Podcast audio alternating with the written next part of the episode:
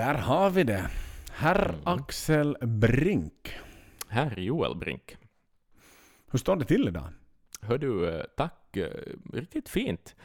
Snön har fallit, julen är på antågande, eller vad man nu säger. Mhm. Ehm, ja, det här är riktigt, riktigt fint. Eh, Faktiskt eh, drabbats av en liten julstämning. Jag, jag var lite orolig att den inte riktigt skulle komma. Men nu kom den sen ändå, med lite pepparkaks bak och, sånt. Är det vitt Mm. på marken i Vasa nu? Nu är det lite vitt är det nog, ja. Det har liksom kommit ett tunt snötäcke, men det har varit minusgrader här Ja. i några dagar, så det har fått ligga kvar. Så Vad det är fint. trevligt. Det Mm. lyser upp så bra. Ja, så mycket. Hoho. Ja. Hur är det själv? Hör du, tack, nu är det bara bra. Nu är det bara bra. Lite julkänsla här också. Folk börjar pynta. Jag kan tänka mig att i dessa pandemitider och det här mörkret så, så dyker jullamporna upp lite tidigare än vanligt. Så. Vi, vilket jag inte har någonting emot, även om jag inte är någon stor fan av julen överlag. Men, men eh, det, det är ju trevligt med lite ljus. Det får man väl Jo. säga. Ja, det är ju det. det, är ju det. Och så unnar man sig liksom godsaker och man unnar sig lite gott humör. Det är väl mest det. Mm. Liksom att, att det ger en en anledning, en kollektiv anledning till att vara lite glad. Typ. Absolut. Absolut. Det, det är ju så det ska vara. Mm. Det är ju på den nivån det bör vara. Och lite Lord of Light. Om vi nu Exakt. drar Jo, jo, jo, jo. Dave Murray-anekdot här. Och så väntar vi alla på Lemmys födelsedag förstås. Givetvis, och Daves. Det också.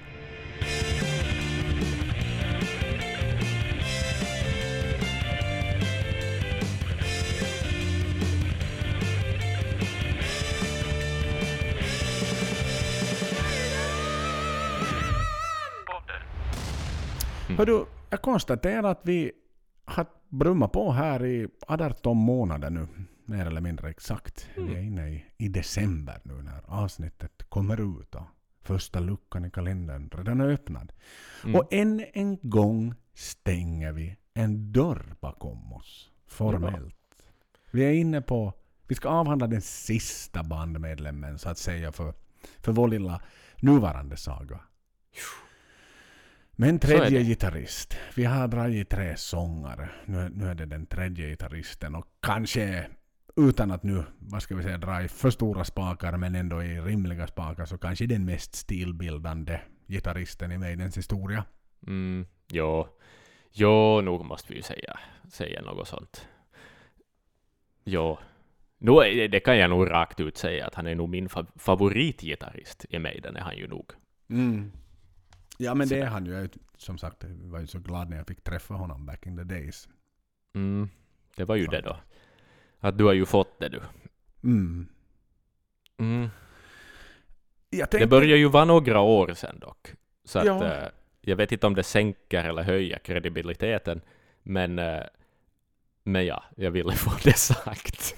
Ja, men det, det, det är ju vad det är, Axel Brink. Det är ju Mm. vad det är. Så enkelt är det ju. Ja. Om vi nu sådär egentligen hoppar in på, på vår kära, kära Adrian här nu och, och liksom funderar lite på honom. Han är ju inte som sagt den första gitarristen. Han kom in till Killers. Det ska vi inte Mm. glömma bort. Och, och jag tänker lite sådär innan dess att Dennis Stratton som någonstans är den ständigt bortglömde, lite bortglömda gitarristen. Även Mm. om vi då sådär kommer tillbaka åtminstone till hans ledarjacka med jämna Mm. mellanrum som vi uppskattar Exakt. väldigt mycket i, i musikvideon. Så tänker jag ändå att vi liksom tar in honom och, och vad, lite vad anledningen sådär till att det nu sist och slutligen blev Adrian som, som blev gitarrist i Maiden och inte Dennis. Ja. Så jag tänker vi, vi, vi eh, kostar på oss att lite inkludera, i alla fall delvis, Dennis i, i den här eh, lilla historien vi är på väg att ge oss in på.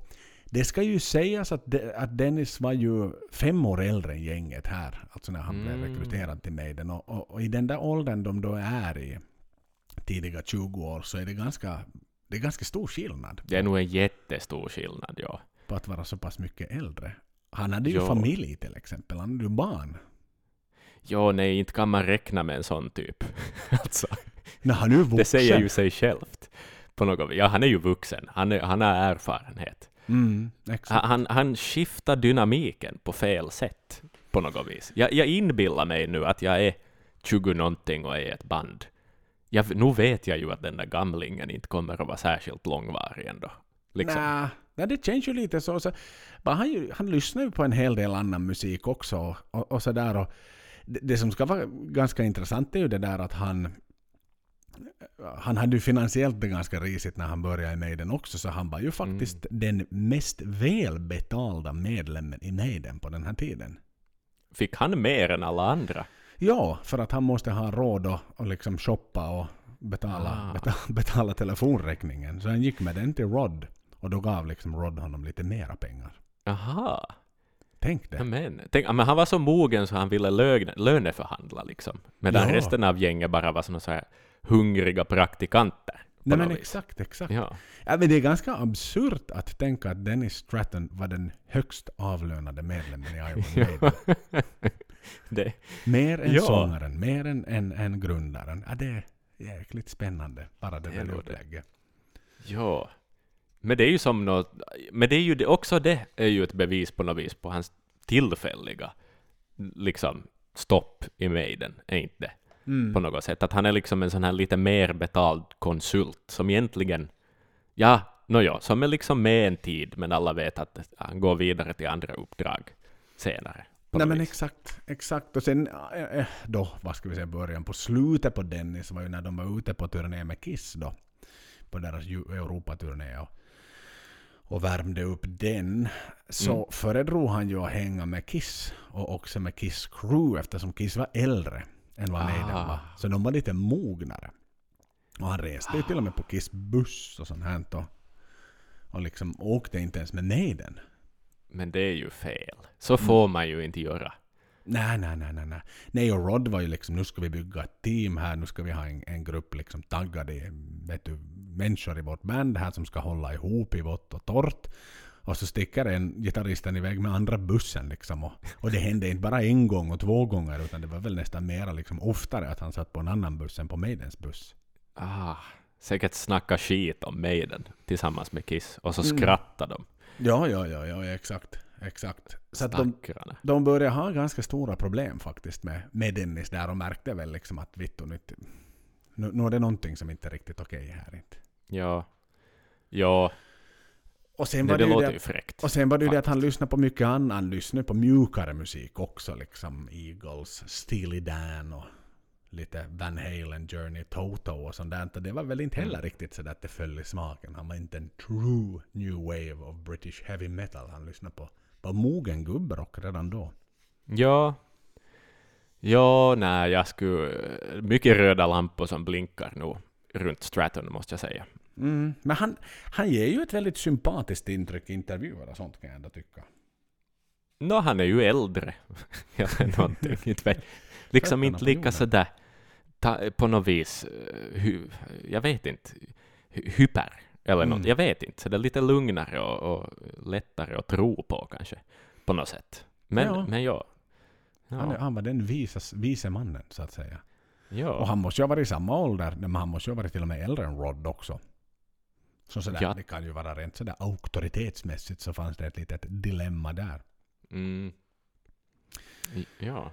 Uh, Att uh, jaha, ska liksom den här sprätten, jag menar Rod var ju ändå väldigt ung vid den tiden när han var manager på det sättet att liksom sådär, ska jag nu bli tillsagd av den här människan vad jag ska göra och hur jag ska göra det.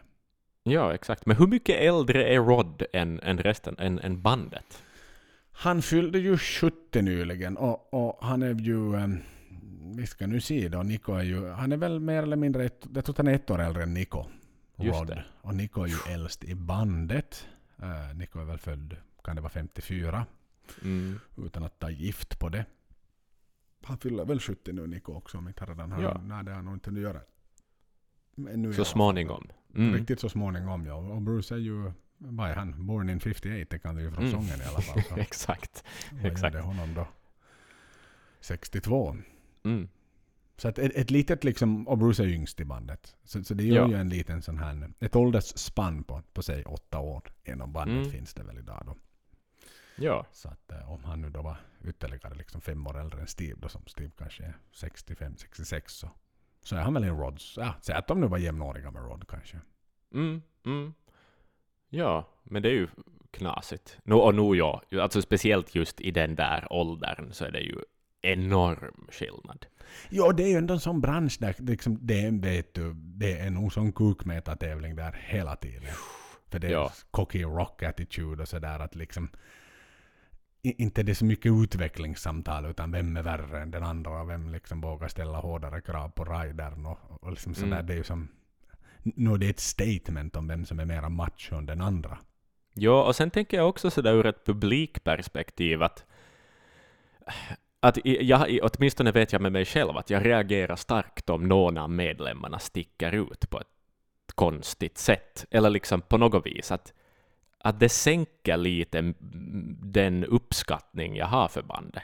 Att det är Mm. liksom sådär att, att det är inte riktigt att de skulle kunna vara bra, men den där ena sticker ut på, på fel sätt. Vet du? Mm. Att, att liksom...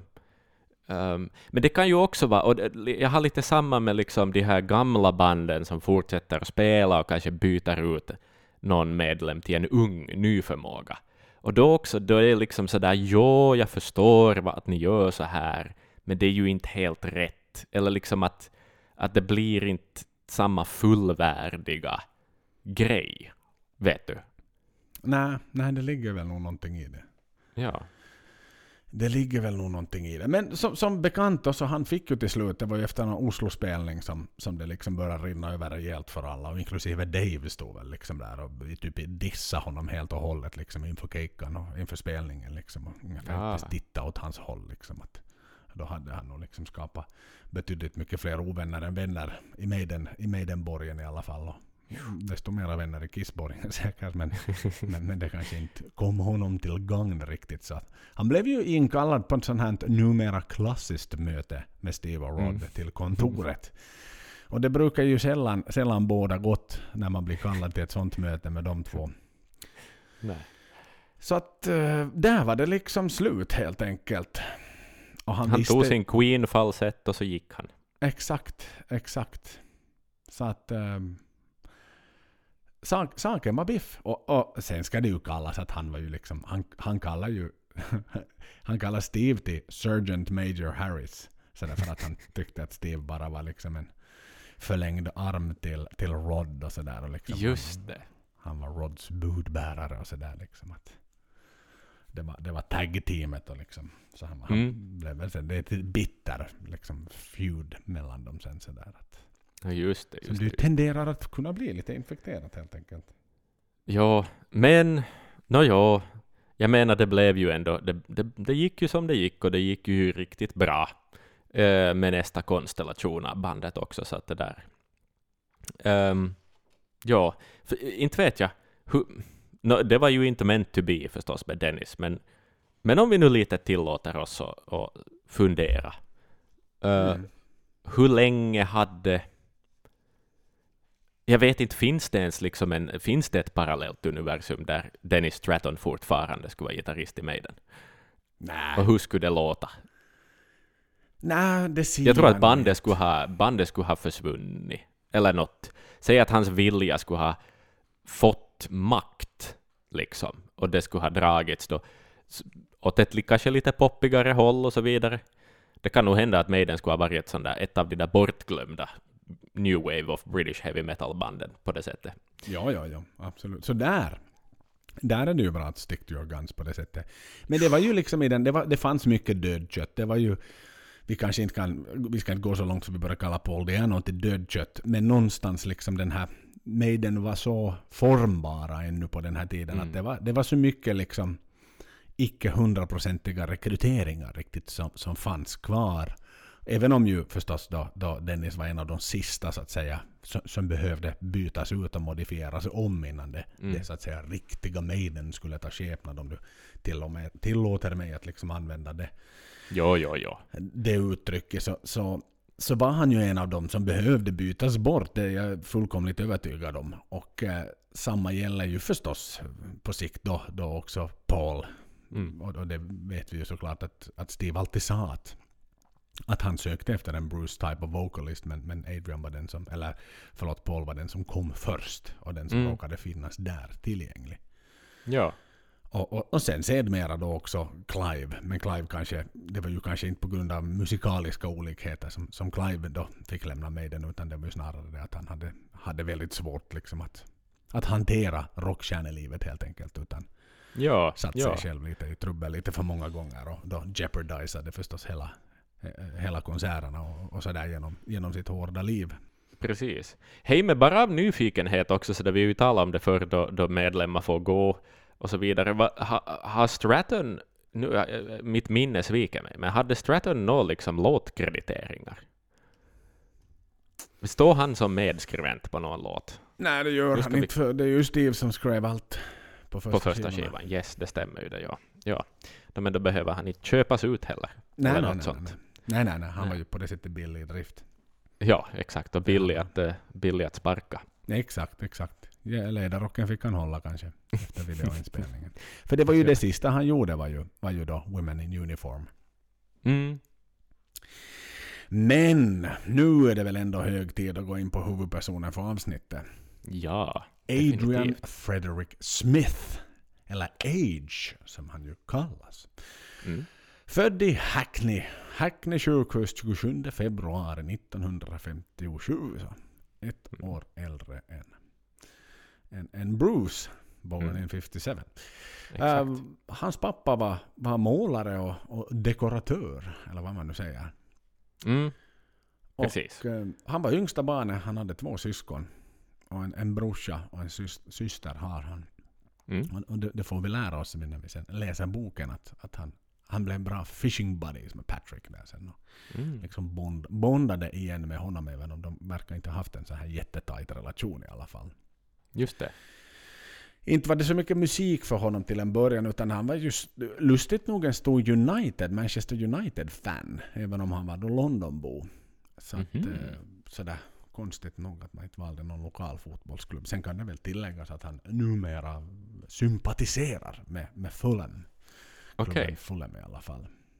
Så att, just eh, det. sådär, han, han bytte om det sen. Nå, men det är ju kanske då man är barn och sådär, så det är kanske inte så jättestor skillnad. Men det är ändå märkligt i England, Mm. faktiskt, kan jag nog tycka. Och då är jag ju ingen fotbollsmänniska själv heller. Men ja, Nej, exakt, exakt. Eh, ja, sen så förstås, musiken kommer ju in vid något skede och han var, han var 15 år gammal när han köpte sin första skiva. mm. Och jag tror att du kan naila den skivan. Vilken var det han köpte? det var Deep Purples Machine Head. Oh yes! Oh yes! Det är ju helt rätt. Det är ju helt rätt. Och det var ju den som han liksom, han såldes för helt och hållet. Hans syster hade någon pojkvän som hade en massa skivor också. Mhm. Mycket Black Sabbath och Purple och sånt här som han fick liksom lyssna på. Lyssna på och låna av, av systerns pojkvän. Men sen så när de separerade så blev han då så illa tvungen att börja handla skivor själv helt enkelt. mm. Och det var i samma veva då som han träffade sin, sin gode vän Dave Murray. När de stod i, i eh, skivbutiken och bläddrade mellan LP-skivor och tittade efter den nya nästa häftiga skivan att köpa. Så Mm. då stod Dave där på andra sidan högen. Deras Mm. ögon möttes och tindrade och märkte att vi är båda odd one out med långt hår och håller på med konstiga saker. Mm. Och det var ju faktiskt så de bondade, just det att de var lite sådär different to everybody else. De var lite freaks liksom sådär. Alla Just andra hade det. liksom kort hår och fotboll och sådär. Och de var liksom lite sådär, äh, vi har valt liksom rockspåret vi. Mm. Exakt. Så att eh, de började ju hänga mer och mer och liksom sådär snacka musik som 15-åringar som man nu gjorde förstås. Och, och det här och, och Adrians första ambition var ju, var ju att sjunga. Mm. Uh, och det hade ju egentligen att göra med att han, hade, han, hade, han ägde en mikrofon av någon mystisk anledning Ja, som han hade jaha. fått i, i 14 års födelsedagspresent. Okej. Han vet inte varför, men han, det var sådär. Det är klart att man ska ha en mikrofon i 14 Mikrofon. så, så det var liksom också anledningen att han fick börja, börja sjunga, därför han kunde helt enkelt ingenting annat. Då. Nej. Och, då började Men det är han- en konstig present. Det är en konstig present. Sådär. Om pappan Ja. inte ens var musiker heller, utan han var Nej. målare. Och var sådär, hej vittu, Satan, Edvin fyller ju år imorgon. Vad ska jag köpa åt Jag honom? vet inte. En mikrofon, en Men det är mikrofon. också sådär att det är ju inte som att du inte kan sjunga utan en mikrofon heller. Nej. Det är ju som inbyggt i dig, instrumentet är där. Liksom att det är ju bara tillbehör. Mm. Sådär. ja. Nej, det är jäkla märkligt sådär. Vad var det som då? Ja, nu ska jag... Fitta, jag måste ju ha... Det är ju en mikrofon han ska ha. Eller var han i någon butik och tittade och sen var det sådär... Så valde han mellan någonting och sen så råkade han se en mikrofon. Så, alla, ska ju ha, alla vill väl ha en mikrofon? Det är som en ficklampa i ena handen och en mikrofon i andra. Liksom. Exakt. Vilken ska jag ta? Vilken ska jag ta? Det blev mikrofonen. Alltså de började jamma med Dave då helt enkelt och, och första låten de någonsin spelade var Silver Machine av Hawkwind för att det var en väldigt Mm. enkel låt med tre ackord. Just det.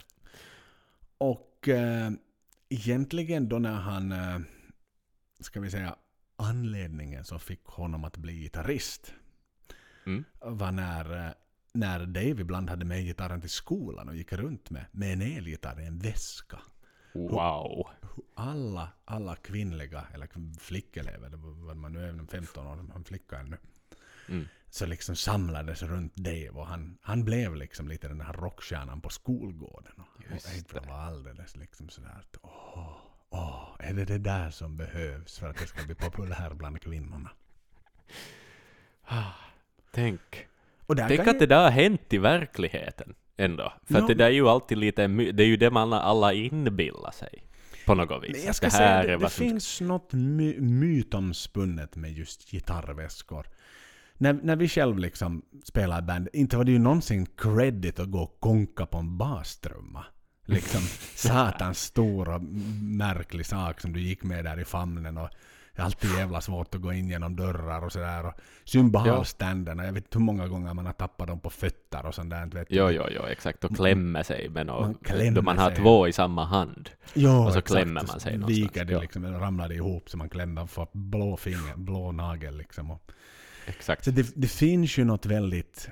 Jag minns själv när jag fick då någon eh, äran att bära en gitarrväska. Jag växte som person. Jag gjorde Ja. verkligen det. Jag, för den är ju inte... En basväska är också för lång och för klumpig. Men Ja. en gitarrväska den är som så perfekt liten och du liksom bara, om det då är en sån som du svingar på ryggen eller om du bara får vet, bära en hardcase till exempel. Mm. Om Mm. det dessutom står någon Gibson på den eller någonting Jo, jo, här, jo. Liksom, oj satan ändå. Jag känner mig som en, som en eh, Seattle young punk dude Ex- exakt. Att, precis. så att det, det finns något myt om... Jag skulle kunna ha... Fan, jag skulle kunna gå och köpa bara en tomt gitarrfodral och gå runt med det bara för att liksom... Som resväska. Ja, vad kul! Fan ändå, det är bara för att det är så credit att ha med sig. Ja. För man, Du kan ha dina symbolstativ i den. Det kan exakt. exakt. Ja, det ska jag köpa som symbolstativsväska. Gitarrväska. Så att jag förstår ju det där med att, att det var det han faktiskt föll för. Mm. Och han fick ju då låna Daves reservgitarr. Och det var ju någon sån här Mhm. riktig skit, någon sån här Woolworths eh, manik som han köpte för fem pund.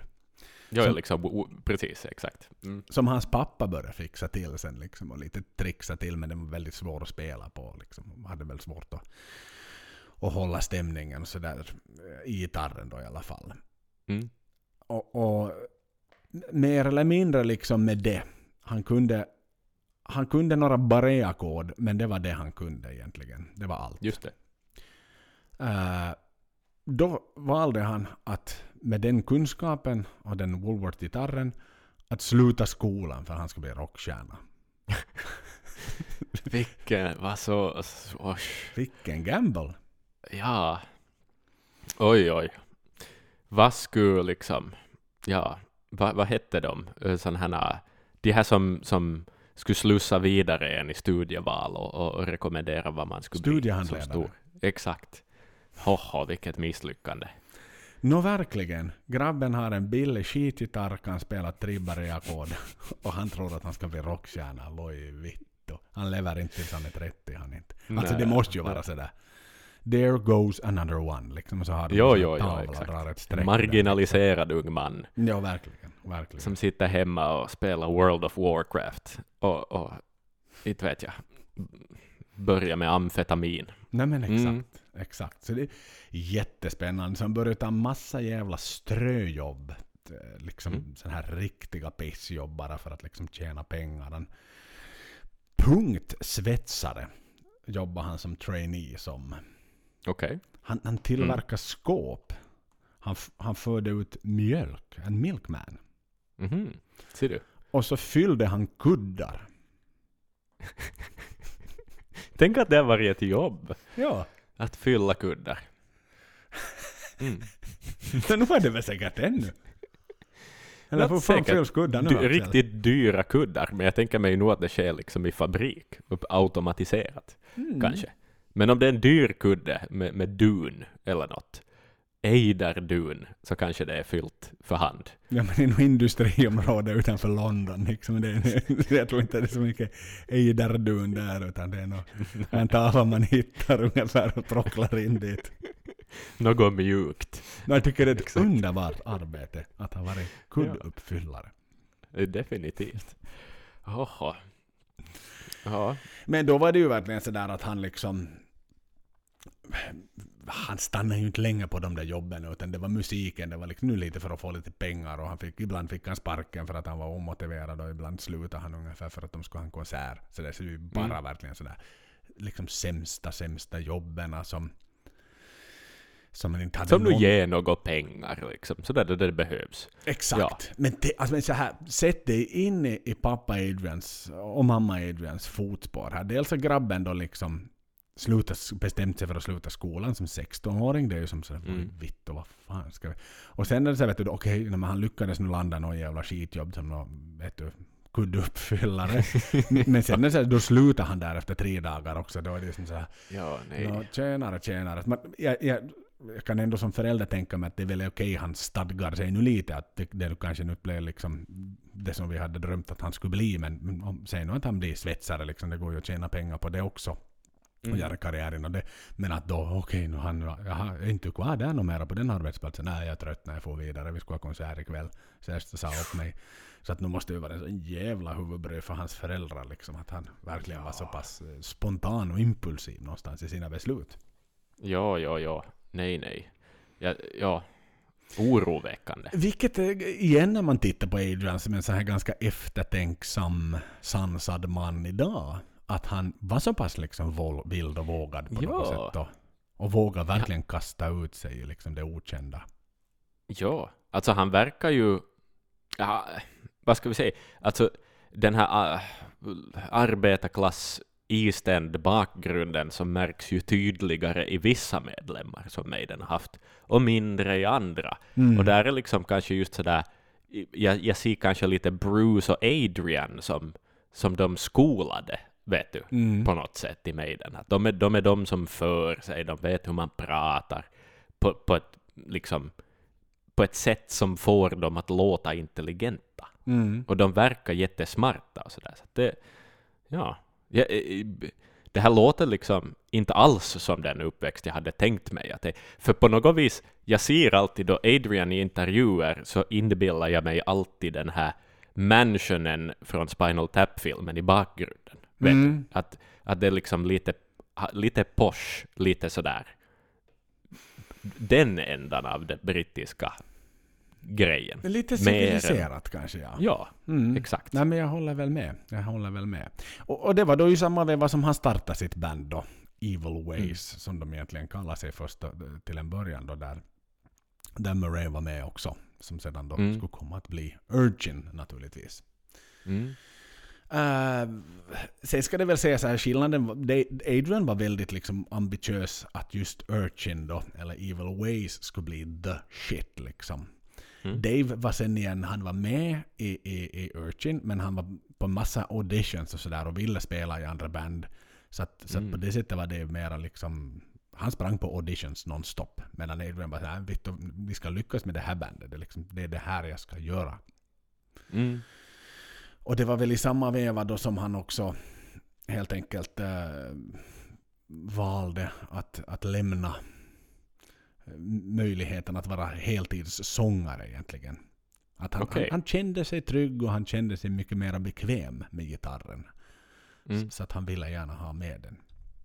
Och här kan vi ju Ja. tillägga faktiskt att eh, det var ju jättetidigt i den här, han var ju runt 18 när han för första gången skrev 22 Acacia Avenue med Urchin. Just det. Just det ja, det är ju en låt från Urchin-tiden. Oh, det yes. stämmer ju det där. Ja. Och det lustiga var att de hade ju någon konsert då för länge sedan liksom när Maiden var Maiden, det var 77 eller när det nu var. Mm. Som, eh, som de hade spelat 22 Acacia Avenue och, och lustigt nog hade Steve varit med på, han hade befunnit sig på den konserten. Det var någon utomhuskonsert någonstans som de spelade. Jaha. Långt innan de liksom kände varandra på det sättet. Och sen när han då blev rekryterad till Maiden och de skulle skriva, skriva Number of the Beast så, så kom liksom Steve fram och var sådär att börja humma och vissla på den. Vad fan var det den där sången som ni gjorde med Urchin då? Att den där, och så började han liksom vissla på, på, på 22 Acacia Avenue och var sådär vad satan att du minns att vi gjorde den där ute för så länge sedan och den tycker du att skulle kunna vara lämplig för Number of the Beast-skivan? Alltså, vilket minne Steve hade där liksom. Ja. För, för låtar och toner. Nå, det måste ha gjort ett intryck. Liksom. No, verkligen. Det- verkligen. Ja. Shit. Ah, ja. Tänk vad skumt ändå. Jag menar bara om han inte skulle ha varit där, skulle inte 22 Acacia Avenue ha varit på Number of the Beast då? Det är liksom, är det, det är ju absurt. Nej, det hade det nog inte varit. Det hade det absolut aldrig varit. Utan det var sammanträffandet där att, att de hade gjort den helt enkelt. Ja. Ha. Hmm. Så det är också lite spännande. Och, igen, vi ska ju inte glömma bort att den här tiden, Number of the Beast-tiden, då, var ju allt, då skulle allt vara nytt. För allt material var så att säga förbrukat redan på, Jo, på jo, jo, debutskivan och Killers. Så att, Och ny sångare och det behöver nytt material och liksom allt sånt här. Exakt. Eh, ja, precis. Hmm. Så nu behöver de nya grejer. Och, och Adrian förstås, eller Dave då, blev ju rekryterad till Maiden och fick ju foten också när, när eh, den andra Dennis då, Wilcock, ju hamnade lite i luven på, på Dave då. Så då fick ju Dave sparken från Maiden och så började han ju tillbaks igen i, i, i Urchin då. Under den tiden Mm. så att säga när han var icke-aktiv Maiden-medlem. Och, och, och, och då började det gå så pass bra med Urchin att de, de fick, en, eh, fick ett, eh, ett skivkontrakt med Ooh. DJM. Just det. Som bland annat hade Elton John på sitt, i sitt stall också i tiderna. Ah, det är därför det låter bekant. För jag såg just eh, så nyligen den här, eh, jag tror den nämns i den Rocketman-filmen. Just det, det var därför det lät bekant. Precis. Även om jag nu inte är någon fan av Elton John. Men jag menar, Elton John är ju Elton John. Sir Elton John. Eh, Jag såg också det. Rocketman nyligen. Jag blev så jävla besviken när det var musikal. ja, ja det, den var intensiv. Ja. Jo, nej det var... Ja, vi ska inte recensera den här nu. Nej, det ska vi inte. Men i alla fall. DJ... It was a one word review. Ja. Exakt. Mm. Shark sandwich. Yes, hörde du du. Eh, och de fick ju manager och grejer med där också. Så det var ju fint. Okej. Fint som Just det var. Men det. var så här, dealen i sig. Det var, vi har varit inne på det där tidigare. Hej, vi fick ett Mm. kontrakt, skriv på här. Okej, jag skriver på. Och sen var det sådär. mm, Ingen har läst egentligen vad det stod i avtalet. Så det var ett väldigt dåligt kontrakt liksom. Med väldigt lite pengar och liksom sådär. Mycket om sig och kring sig. Med, med hur det var. Men, men nåja, man kastade sig in i det. Han som sagt kastade sig ur skolan och jobbar som, som, som kudduppfyllare. Så att på det sättet så skriver man väl på ett musikkontrakt om det nu är rockstjärna man har bestämt sig för att bli så att säga. Någonstans måste man ju Mm. börja. Men de fick i alla fall ett, ett, ett litet förskottslån då av bolaget på, på hela 5000 pund. Som de då Mm. gick och köpte ett stort eh, PA då på 1500 watt. Just det. Så- Nej, men det var ju ändå en ganska bra investering. Ja, Det var inte liksom att de satte på öl. nej exakt. Och en buss köpte de också för pengarna. Ah, just det. En riktig investering. No, verkligen. Var ja. det ju ändå. Ja, ja, men det håller jag med om. Och då var ju just deras roadare också som var lite så kompisar till dem. Så, så någon var svetsare också. Det kanske det var någon av de här svetskompisarna han träffade när han jobbade som punktsvetsare. Mm. Eh, Som ju svetsade in sängar och grejer där i bussen liksom. Och byggde upp Just våningssängar. Så på det sättet liksom investeringsmässigt väldigt smart får man väl ändå säga. Ja, kanske han stoppar lite kuddar också Mm, mm. i bussen. Och de spelar ju, när de väl hade köpt bussen, då spelar de. De spelar så satans mycket. Alltså, som Adrian säger, att det var liksom hundra konserter spelade de samma år som de skrev på, fick bussen då skrev på kontraktet. Så Wow. att de var verkligen ute och turnerade hela tiden, nonstop. Hmm. Sen så fick de då dags att, släppa sin första singel, Black Leather Fantasy, som kom ut 1978 Mm. bygger på, ett, på, på, på en liten Deep Purple riff. Och jag tänker att vi bara för nöjes skull ska lyssna lite på den låten nu.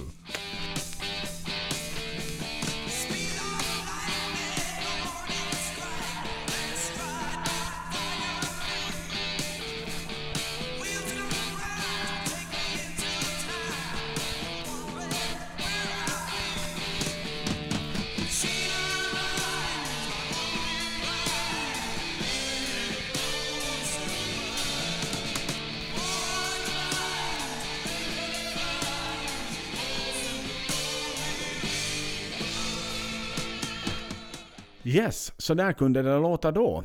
Och eh, det ska ännu tilläggas att, att den eh, Neil Kay, vår gamla gode vän du minns från, från Soundhouse, som hade Exakt. sin bandwagon, så spelar också spelar den låten. Aha, just så det. Det Så och det- du vet ju att om man var med på hans lista, då var man ju, då, då hade man ju det bra. Ja, ja, ja. Då var man någonting. Visst är det så. Visst är det så. Nåväl, nåväl. Ehm, så då, då, det, var ju den här tiden då Dave eh, blev sparkad från Maiden, så då skulle han komma in och, och, och vara med på, på nästa singel som Urchin gjorde. Då. Den han han liksom med på låten She's a Roller. Men, men under den tiden, då, från att den blev inbandad tills att den blev släppt, då hade Dave redan fått komma tillbaks till Maiden. Så han var aldrig Mm. liksom med under själva releasen av, av, eh, av singeln, även om han eh, spelar gitarr på den. Just det. Ja, men det var ju otroligt kortvarig, liksom. Ja. eh, han, han var ju inte sparkad hemskt länge, nej. Men ja, just det. Det var ju lite shady. Shady shit där i bakgrunden. Just det. Oh. Men han är med på den, ja. Jajamän. Så att eh, Dave och Adrian spelar på den singeln. Och, och i samma veva, så, samma veva så blev ju Adrian approachad av Maiden då. Att nå, eh, Steve ringde upp honom och var sådär att hördu, ska du nu komma med och spela i Maiden? Och han funderade och funderade och rökte två tobaksaskar, ska det betonas. Jaha. Två cigarettaskar. Medan han tänkte Ser du? Rök och funder. Han funderade och rökte 40 cigaretter. Det är nog en rejäl funderare, ja, måste jag säga. Jag ser sådär vet du, den parkbänken, det är så jävla mycket fimpar så liksom Han har som en platå där han sätter foten sen. Att det, Exakt. det är inte så lite det är inte. Nej. Men eh, Som ett stöd för en spansk gitarr. exakt, exakt. Och, det, och då börjar ju det lite bubbla för Maiden och sådär. Och tidningarna lite började till och med skriva om Maiden. Så det var lite spännande. Sådär, Mm. fan ändå, ja, tobaken liksom. Mm. När han var där på cigarett 38 sådär så. Frågan är liksom vart, han, vart hans tankar då gick. Men efter att han släckte Spaddo nummer 40, när han hade kommit, kommit hela vägen liksom, du vet, över texten på cigaretten, så, där, så det far hela vägen ner nästan och, Ja, ja. Toxisk, sur smak. Exakt. exakt. Så då liksom vaknade han upp. Och då bestämde han sig äntligen för att tacka nej till vara, och vara med i Maiden. Det är landade nog- hans beslut i. Tänk det. Och, och sådär, hans gut feeling. Alltså rök inte. Kids där ute, rök inte. Ni tar fel beslut. Ni tar fel beslut. Men han, skulle, han var så fast besluten om att nu satan ska jag satsa på Maiden. Och, och, eller på, på Urchin, förlåt. Och eh, sen gick det åt helvete för Urchin. Sen började det sakta men säkert fallera hela bandet och liksom gänget började försvinna åt helvete. Och, och, och, och Maiden släppte sin första singel som flög iväg mot månen egentligen. Mm. Så Adrian var helt arbetslös. Han var bandlös, han var alltlös egentligen. Han var så fattig så han hade inte ens råd till busspengarna på den tiden. För han hade någon, tydligen någon publicist som, som Aha. föreslog att han skulle göra någon, eh, något samarbete med någon professionell eh, singer-songwriter. Just det. Som, som han då åkte upp och skulle testa skriva någonting med. Men det gick helt liksom... Det, får så skidorna i kors där att det blev, det blev inte till någonting. Så Mm. fick han gå hem från West End hela vägen då eftersom pengarna var slut så han hade, han hade liksom fick gå i regnet hem och, och verkligen liksom målar upp det som en riktigt tragisk Ingenting blev det. Jag hade ingenting att spela för jag hade inte ens pengar till bussen och nu går jag i regnet i mörkret hemåt. Men vem träffade han då? Vem, det, det, var, det var två andra som var ute på kvällspromenad samma, samma gång. Jaha. Jo, men. Kanske Steve Harris. Och Dave Och- Murray. Förstås. Som var Vad filmatiskt. Och han, han liksom gick vet du, deppande, stirrande ner i asfalten. Och ett, tu, tre Med den där snobben-musiken, du vet. Mm. Då de går moloket iväg. Ja. Ja. Och då kommer de liksom att Tjenare, hur är läget? Ja, vad håller du på med? Nej, inte är det så mycket här inte som jag ska vara helt ärlig. Och sen är det sådär att Hörru, vi söker en ny andra gitarrist. Skulle du vara intresserad? Och det är sådär, när Steve Harris frågar andra gången, inte fan kommer den Mm. tredje gången. Den frågan inte. Nej. Så att, eh, jo för fan. Då, då, då var det liksom fine. Så han blev inbjuden på en formell audition riktigt till Maiden. Just det. Den här gången ska det tilläggas att sådär, även om han ju var sådär, han var väl lite sådär, vad ska vi säga, besviken över att han måste gå på audition för han var sådär att Dave, om någon vet ju exakt hur jag spelar. Dave vet ju bättre hur jag spelar än hur jag själv Ja. vet hur jag spelar så att säga. För jag spelar så mycket med Dave. Så att, men sen Mm. var det sen, nu har jag i och för sig, de andra har ju inte hört mig spela så vi behöver väl se lite att det funkar ihop och sådär. Och, och Mm. sådär. Så att, Men lite power move av Steve också ändå. På något vis. Och etablera vems band det är ändå. Mm. Jo, jo, Nu jo. är det ju det. Liksom att... Ja, han liksom, du vet, tände ju hoppet för honom då där i regnet såklart. Liksom, och, och han tänkte väl att nej, men det är ju en done deal, jag är med i Maiden nu. Mm. Men sen var det sådär, app, app, app, app, app, app, app. du får bara komma på audition. Ja. Men ändå. Jag menar, det var ju skrivet i... Skrivet i stjärnorna. Nu, nu var det ju det. Och han måste ju ha varit jättemotiverad vid det skedet liksom, att nu jävlar. Ja, Han har ju ingenting att förlora. Eller liksom, han har ju allt att vinna. ja, ja. ja. Sen ska du säga så att Rod var satans misstänksam mot Adrian också. Då, då ska du veta att han just gått liksom som någon, som någon eh, sneaky privatdetektiv där bakom, bakom Dennis då innan och varit bitter på att Dennis har åkt buss med Kiss. Mm. Eh, Så nu var han ju inte hemskt glad över att Adrian redan har dissat Maiden en gång. Så Rod, Nej, Rod det går där är ju ju och surar sant. över det där han också. Att, är det nu helt rätt beslut det här? Att han, han har ju faktiskt dissat här en gång. Att inte, inte förtjänar han att vara med här. Inte förtjänar han att vara med här. Och, Ha. och han tog ju någon sån här riktigt liksom förhörsmetod liksom mot Adrian där liksom att sådär bad cop, good cop liksom. Att det var, det var förutom då en audition så var det ett förhör liksom. Kan du spela riff? Kan du spela leadgitarr också? Och massa sån här liksom. Varför, varför tackade du nej första gången? Och liksom, Ja, ja, ja, ja, ja. Jag trodde på Urchin, men nu finns inte Urchin mer. Så du kommer hit för att det är någon reserv?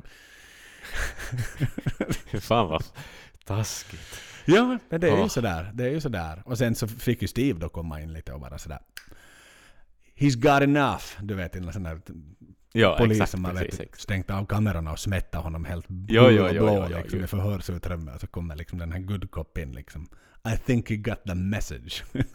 Precis. Mar- Martin Beck kommer in. ja, exakt när liksom. Ja. Gunvald. Pr- gått in i dörrar så att säga med ja, personen i fråga då. Men så, 20 minuter höll de väl på lite drygt med, med auditionen och, och, och, och då fick han gå och vänta. Vänta på puben sen ska det tilläggas innan, innan då Mhm. så att säga. Beskedet kom att vi har valt att anställa dig i Iron Mm. Maiden. Och där, precis som alla våra personporträtt, så brukar det lustigt nog ta slut just när det roliga börjar. Då, då slutar vi prata om karaktärerna. Ja, tack och hej. Vi hörs om två veckor. Ja, Nej. nej. ja. Så att det var hans liksom väg in i Maiden. Mm. Just det. Men vilken filmstory det här är, alltså. Mm. Den är ju... Den är ju galen. Okej, du, du är bra på att berätta och det är han också säkert i sin bok och allt det här. Eh, liksom. Men vilken... Vilken galen jävla historia ändå. Tänk vad som har hänt i den här världen. Och vilka liksom... såna hemska förutsättningar som ändå har lett till något bra. Mm. Det är nog absurt alltså. Ja, Det är det som är det fina med livet egentligen. Ja. Att man Jo, jo, liksom jo. vet aldrig. Jag menar, en, alltså sådär, säg att ditt barn slutar skolan, jobbar som kudduppstoppare och inte ens liksom lyckas hålla det jobbet. Och, och drömmer om att bli en rockstjärna. Alltså, fan hade du varit orolig som förälder och liksom tänkt att ah, var ska det här sluta, hur ska det här sluta?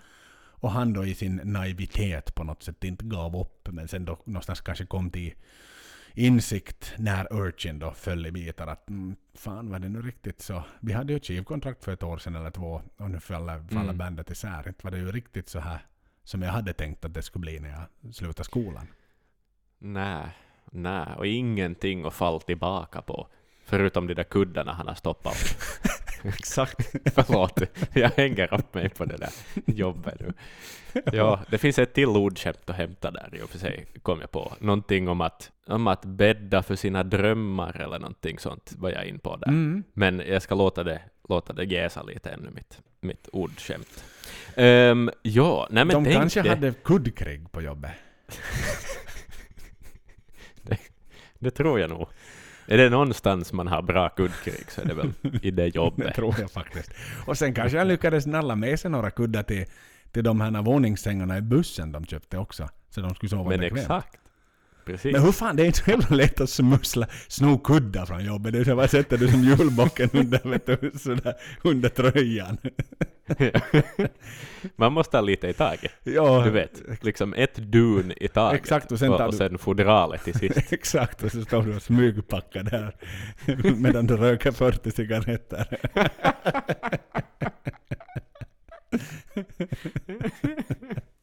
Någonting sånt. Ja, jävlar. Ja, men, men det där... eh, Ja, Adrian, Adrian är ju mer än en gitarrist också, Mm. Förstås. Men jag tänkte här, före vi går in på det, så, så har vi ju faktiskt en gäst här i podden också. Mm. Vi har haft lite gäster i den, här, i den här podden även tidigare. Många av dem har varit väldigt, väldigt svenska, Joel. Så jag tänkte att det var dags att vi skulle ha en finlandssvensk gäst också. Nå äntligen. Det är ju ändå så. Vi är ju finlandssvenskar. Och vi- vi har ju fått höra så många gånger också på något vis att det är kiva, och också av dessa svenskar, Mm. att lyssna på oss finlandssvenskar. Så nu blir det liksom lite bättre ännu, för att nu är vi tre. Så äh, inte vet jag, jag, jag får säga varmt välkommen till Axel Åman, eh, som är... Va, Tack. vad ska vi säga om dig? Du är, du är en komiker, du är en författare, du är musiker, allt möjligt. Journalist, ja kanske. Ja, men, men det är som det här text, jag jobbar med text mest och en hel del med mu musik också. Men, Mm. men texten är väl det här som är, är det som är alltid kommer tillbaks. Precis, precis. Och så är det ju förstås en Maiden-fan, för annars skulle du inte sitta här med oss nu och snacka. Absolut, nej, nej, det, det är ju, det går ju, det går ju ungefär lika långt tillbaks som att jag lärde mig skriva. Lite efter, kanske trean, fyran i lågstadiet skulle jag säga. Just det. Maiden introducerades till mig av min storebror Erik och han sa att det här är som AC/DC men ännu tuffare. Mm. Och, och, och jag tycker det är på något sätt säljer ju inne att, att är något helt annat men är, är, är, är, tufft. Har du något minne av sådär ditt, för, ditt tidigaste Maiden-minne? Jag tror det var att vi lånade ehm, The Best of the Beast skivan, samlingsalbumet. Samlingsalbum är en fantastisk väg in i vilken artist som helst. Eh, och mm. Maiden var inget undantag på den punkten. Eh, så det var nog första. Var det dubbel, dubbelskivan eller enkelskivan? Den kom ut i två exemplar. Jag tror att det var enkelskivan faktiskt. Mhm. Vad är, vad är Joel skillnaden mellan enkelskivan och dubbelskivan? Nå fittigt mycket mera låtar förstås. Men, men det var ju mera, liksom, man, man breddar ju på repertoaren lite grann på, på uh, dubbelskivan såklart. Så att, jag kan inte exakt säga nu, jag har inte på rak arm facit framför mig. Men Rhyme of the Ancient Mariner, Afraid to Shoot Strangers. Det är väl låter jag lite skeptisk att de parkerar in på en enkelskiva. Ja, faktiskt. Det känns nog inte som den man skulle lägga sådär för öppna dörren. Men och mitt Maiden-minne som, som jag alltid kommer komma tillbaks till och som är som starkast och den uh, Maiden-skiva eller DVD som haft störst inverkan är utan vidare Rock in Rio. Vilket Att, val. att det är ju som... Ja, men hur ska du stå emot en sån urkraft som finns i den eh, konserten, alltså hur det sticker ut med sin energi från publiken, från bandet och, och all den här bak, bakgrundshistorien som man inte visste då man var ett litet barn, men att, att Adrian och Bruce har varit borta och kommit tillbaks med det här otroliga återkomstalbumet som är Brave New World. Och alltså, nej, att det finns så mycket i den konserten som man bara kände. Man, man, man förstod inte, men man såg och man, man kände djupt i sin själ. Mm. Mm. Det är nog Nej, sant. det, det är ju nog någonting. Som sagt, både du och jag har storkonsumerat den DVDn Axel. Jo. Så till den milda Jo, jo. grad att det knappt fanns något kvar på den DVDn skulle jag vilja säga. Så är det. Lasern har bränt sönder den liksom. Mhm. Och, och den lilla den lilla sexistiska etappen där när, när i Iron Maiden-låten när Bruce är inlåst i det där trähängnet och de där kvinnorna står runt honom. Det är så anti-Maiden, men det är ändå vad de Ja. gjorde 2001. Ja, faktiskt. Det känns mer som det billigt Mötley Crüe-trick det. Jättekonstigt ja. Det, det Ja. hör inte Ja. hemma. Nej, Nej, har de nej. någonsin... Ma- No, de Maiden hade hade- ju lite i den där Nej. konstiga, just då Bruce avrättades, den spelningen då, som vi också har snackat om. Så där var det ju lite inslag av, av eh, kvinnor, men det var ju mera i den här trollkonstnärens show, kanske. Eh, Mm. ja, men Jo, jo. Maiden är Men, väldigt men lite inget sånt. sexobjekt förutom Maiden liksom själva då i sina spandex. Men tänk World Slavery Tour. Inte ens under piken när allt var som mest over the top så, så hände det någonting sånt. Utan det skulle dröja hela vägen in till 2001. Jag var nästan som gubbsjuk då och som lite för sent och världen har hunnit redan då lite för långt. Ja. Ja. Ja, nu, nu är jag fan osäker. Var det bara en grej för Brasilien med kvinnorna eller hade de liksom någon typ av så här lokal scouting? Också på Ruisrock, att de plockade upp några galanta damer på, på Åbo torg liksom? Och, och bussade Nej, jag, alltså jag har nog faktiskt svårt att tänka. Det känns nog som en, en sådär brasiliansk grej på något sätt. Mm. Mm. Ja, jag har fan svårt att tro att de liksom körde det där konceptet överallt. Ja, nej, det Ja, var säkert nej, det- någonting med att det skulle televiseras och det skulle spelas in på något vis. Att kan vi göra något ännu? Kvinnor. Ska ja, vi det är ju Absolut. Rod som har kokat ihop det där. Det är så annan. rod. Nu måste det ju vara så nog. Ja. Oj, ho, ho. Ja. Eh, men, eh, ja. Men vi, anledningen till varför vi har med dig här idag är, är förstås också, och avsnittet i stort, är ju att vi snackar Adrian Smith, som ju förstås har gett det här bandet så otroligt mycket. Eh, otroligt mycket fina låtar. Och det där, eh, vi, vi har bett dig lite, liksom lista de favoritlåtar som du har, som Adrian Smith står som, eh, som medskribent på. Eh, hur var det att plocka ihop en sån här lista? Var det lätt eller svårt? Eh, först var jag så där, jag visste en direkt, eh, för att det var enda som jag hade 100% säkerhet att var han som har skrivit. Eh, och, och den råkade gå direkt upp på ettan och jag visste att den skulle göra det. Men mer om den sen. Eh, sen när jag började googla och kolla vilka han har varit med på så är det ju väldigt så maffiga låtar och, och i olika tider av karriären eh, fascinerar mig Mm. att, att här finns som från eh, det här tidiga eh, 22 Acacia Avenue från, eh, är det Killers visst? Number nej, nej, den är på Number of the Beast. Och sen har vi de här just Two Minutes to Midnight och, men sen hoppar det, alltså det, är- det är sådana små inhopp nu som då med jämna mellanrum. Mm. Och, och vissa har ju, har ju glidit under radarn, så där man märker det är den här man kanske tryckt next på. Men väldigt många har nog som ändå stuckit ut för mig som, som favoriter och, och sådana där jag har återkommit till. Så eh, Passiondale var nog en bubblare verkligen. Den, den är sådär ett sådär episkt verk eh, som är ju väldigt signatur Maiden. Och, och den har nog spinnats en hel del, men, men den har som inte riktigt sökt sig in i det här riktigt öronmask att jag, jag, jag spelar den hela tiden, hela tiden. Mm. Så därför föll den faktiskt utanför. Men eh, ska jag börja lista dem, eller vad, vad, vad har ni för tankar? Nå, kör hårt. Jag tycker det är spännande att du har lämnat Passiondale utanför dock, för det är ju nog en stark låt. Men jag förstår också, för det är ju lite av en, det är ju lite en doldis på det sättet ändå. Eh, från ett ganska udda album också, eh, som kanske inte har, liksom, det är inte lika ihågkommet som andra album. Eh, Dance of Death, men, men Nej, spännande. och kanske inte, kanske inte lika kännspaka som, eh, som Adrian, eller som vi känner Adrian som. Den typen alltså. Den är ju väldigt mörk och mystisk. Alltså bara gitarrintro till Passiondale är ju som så någonting som aldrig har kommit från Adrians fingrar egentligen. Nej. Mm.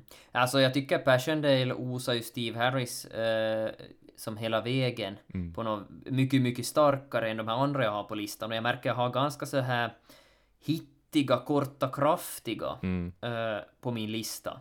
Och, och tydligen eh, det här riffbaserar lite kort och kraftigt är som en styrka han har. Mm. Helt tydligt. Eh, Och jag har tagit fasta på dem. Eh, och jag har gått väldigt mycket på känsla, så att det här som inte är det objektivt sett att som låtskrivare anser jag det här vara Mm, mm. ett vackert hantverk. Ett vackert hantverk är i princip allt Maiden har gjort på sätt eller vis.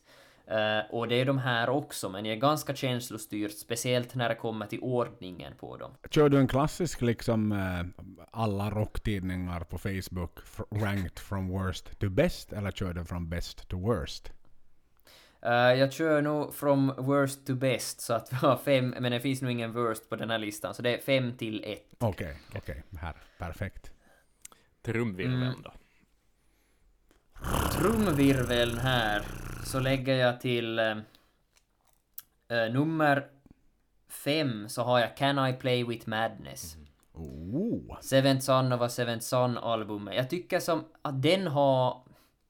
Det här, bara hur, den, hur de ropar ut titeln i början är, som, är så medryckande.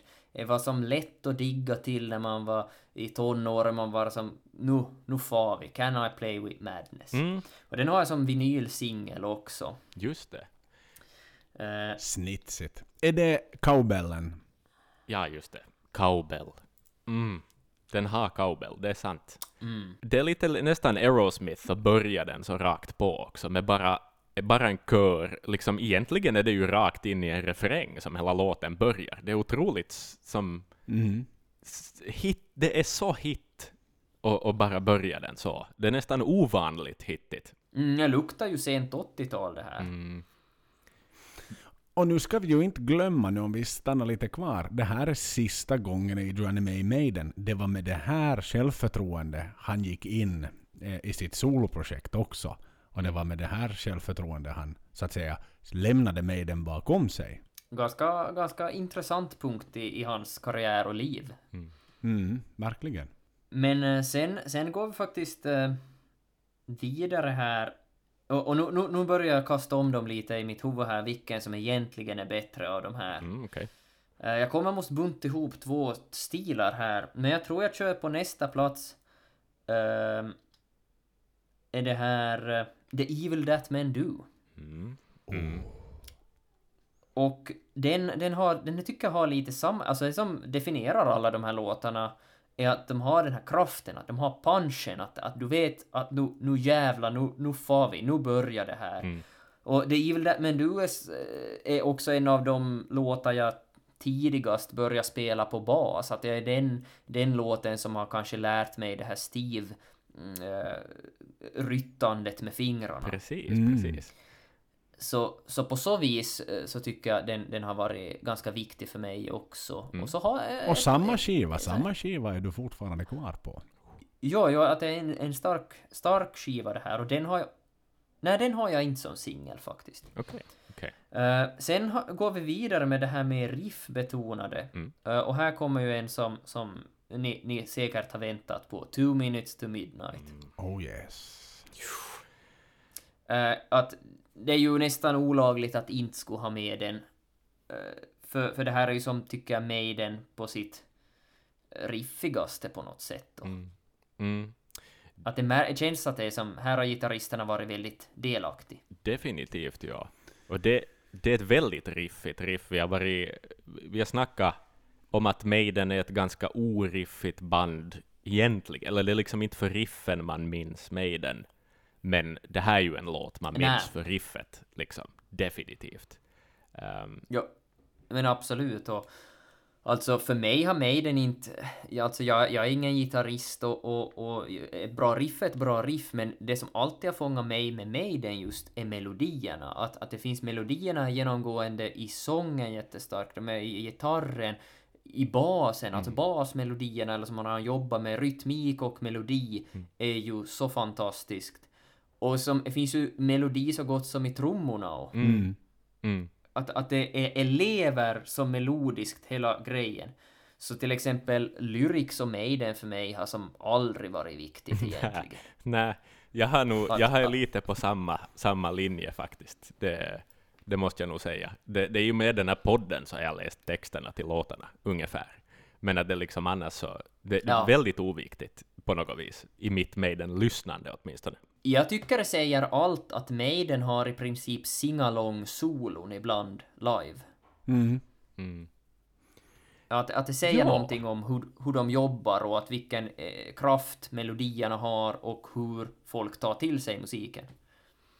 Och jag vågar till och med säga att det här har påverkat mitt musiklyssnande eh, ända upp tills ja, jag var myndig åtminstone. Jag, jag har, jag har, egentligen började jag lyssna på låttexter i stort först när jag började skriva egna tillsammans med mina kollegor och mitt band. Mm. Så, och, Ja. och det trots att jag är en väldigt... Alltså jag, jag skriver ju böcker och, och, och journalistiska texter och allt möjligt. Jag älskar ju text och att tr- uttrycka mig så, men, men Maiden har haft en inverkan på min musiklyssning. Mm. Mm. Men om, om, om vi pressar, Ja. nu, tänker jag välja Steve Harris här som... För, för han skriver ju ändå stora episka verk. Och han går igenom historiska personer och han har gått igenom Dune och, och det ena och det andra liksom under årens lopp. Så att han väljer ju samtidigt att fördjupa sig i texterna. Men om jag sätter så här, är, är Steve Harris styrka texter eller är Steve Harris styrka melodier? Det, är- det är en fråga till er. Jag tror eh, utan vidare melodierna, ja. Mm. Vi ska säga så här att Steves texter innehåller ju mycket. Mm. Eh, sen kan man ibland fundera över, vad ska vi säga, poesins värde kanske. Um, sådär. Mm, men han är ju nog en, han är ju nog en melodikompositör. Men, liksom, jag vet ju att texterna är sjukt viktiga för, för väldigt många Maiden-fans. Och det är just som han, Joel, han som vi träffade i Los Angeles, som Mm. hade blivit historiemagister på grund av Maiden. Jag menar, där är det ju, det är ju ett bevis på att texterna är starka ändå på något vis. Eh, Jo, och jo, liksom jo. Att det finns så mycket att hämta där. Men ja, alla dagar en melodimänniska. Alltså, Så jag det. skrev ju L i historia i modersmål. Nej, eller, nej i, i, i gymnasiet. Eh, Jag skrev L i hissa och jag tror nog delvis att som det här hissa-intresset har ju stärkts av Maiden utan vidare och att man som bara en sån sak som när man kommer in på första världskriget så kan man rabbla upp saker och ting om Passchendaele. Mm. Mm. Och, och för att fylla i lite snabbt här för svenska lyssnarna, L står alltså för lagom i Finland. Nå, nå, nå. Laudatur. Det är toppbetyg faktiskt. Det är toppbetyg. Det är det bästa. Ja. Mm. Mm. The best of the Absolut. beast. Ja, nu fick jag skruta om mina bedrifter också. nu fick i du in ditt satans studentbetyg i den här podden också. Nu var det nu Ja, vad du tar wow. för dig. Ja, verkligen. Men vi, vi går väl vidare med det. Okej, vi, vi, vi, vi gör det. Obemärkt gick det förbi. Exakt. Nu är vi på plats nummer två. Och eh, jag har valt en låt från den skiva, förutom Rock in Rio, som jag... Eller nej, jag- kanske inte ska säga att den har haft störst inverkan på mig. Där, där ska jag säga Fear of the Dark har jag lyssnat sjukt mycket. Album Men, eller eh, låten? Eh, albumet och låten. Mm. Men om, man ser, om jag objektivt ser tillbaks på Maidens karriär så lyfter jag alltid Brave New World som en av deras bästa, absolut bästa skivor. Och eh, till stor del för att man öppnar med en sån låt som Wicker Man också. Men i alla fall, att Mm. den har ju, den har ju än en gång det här riffkicken.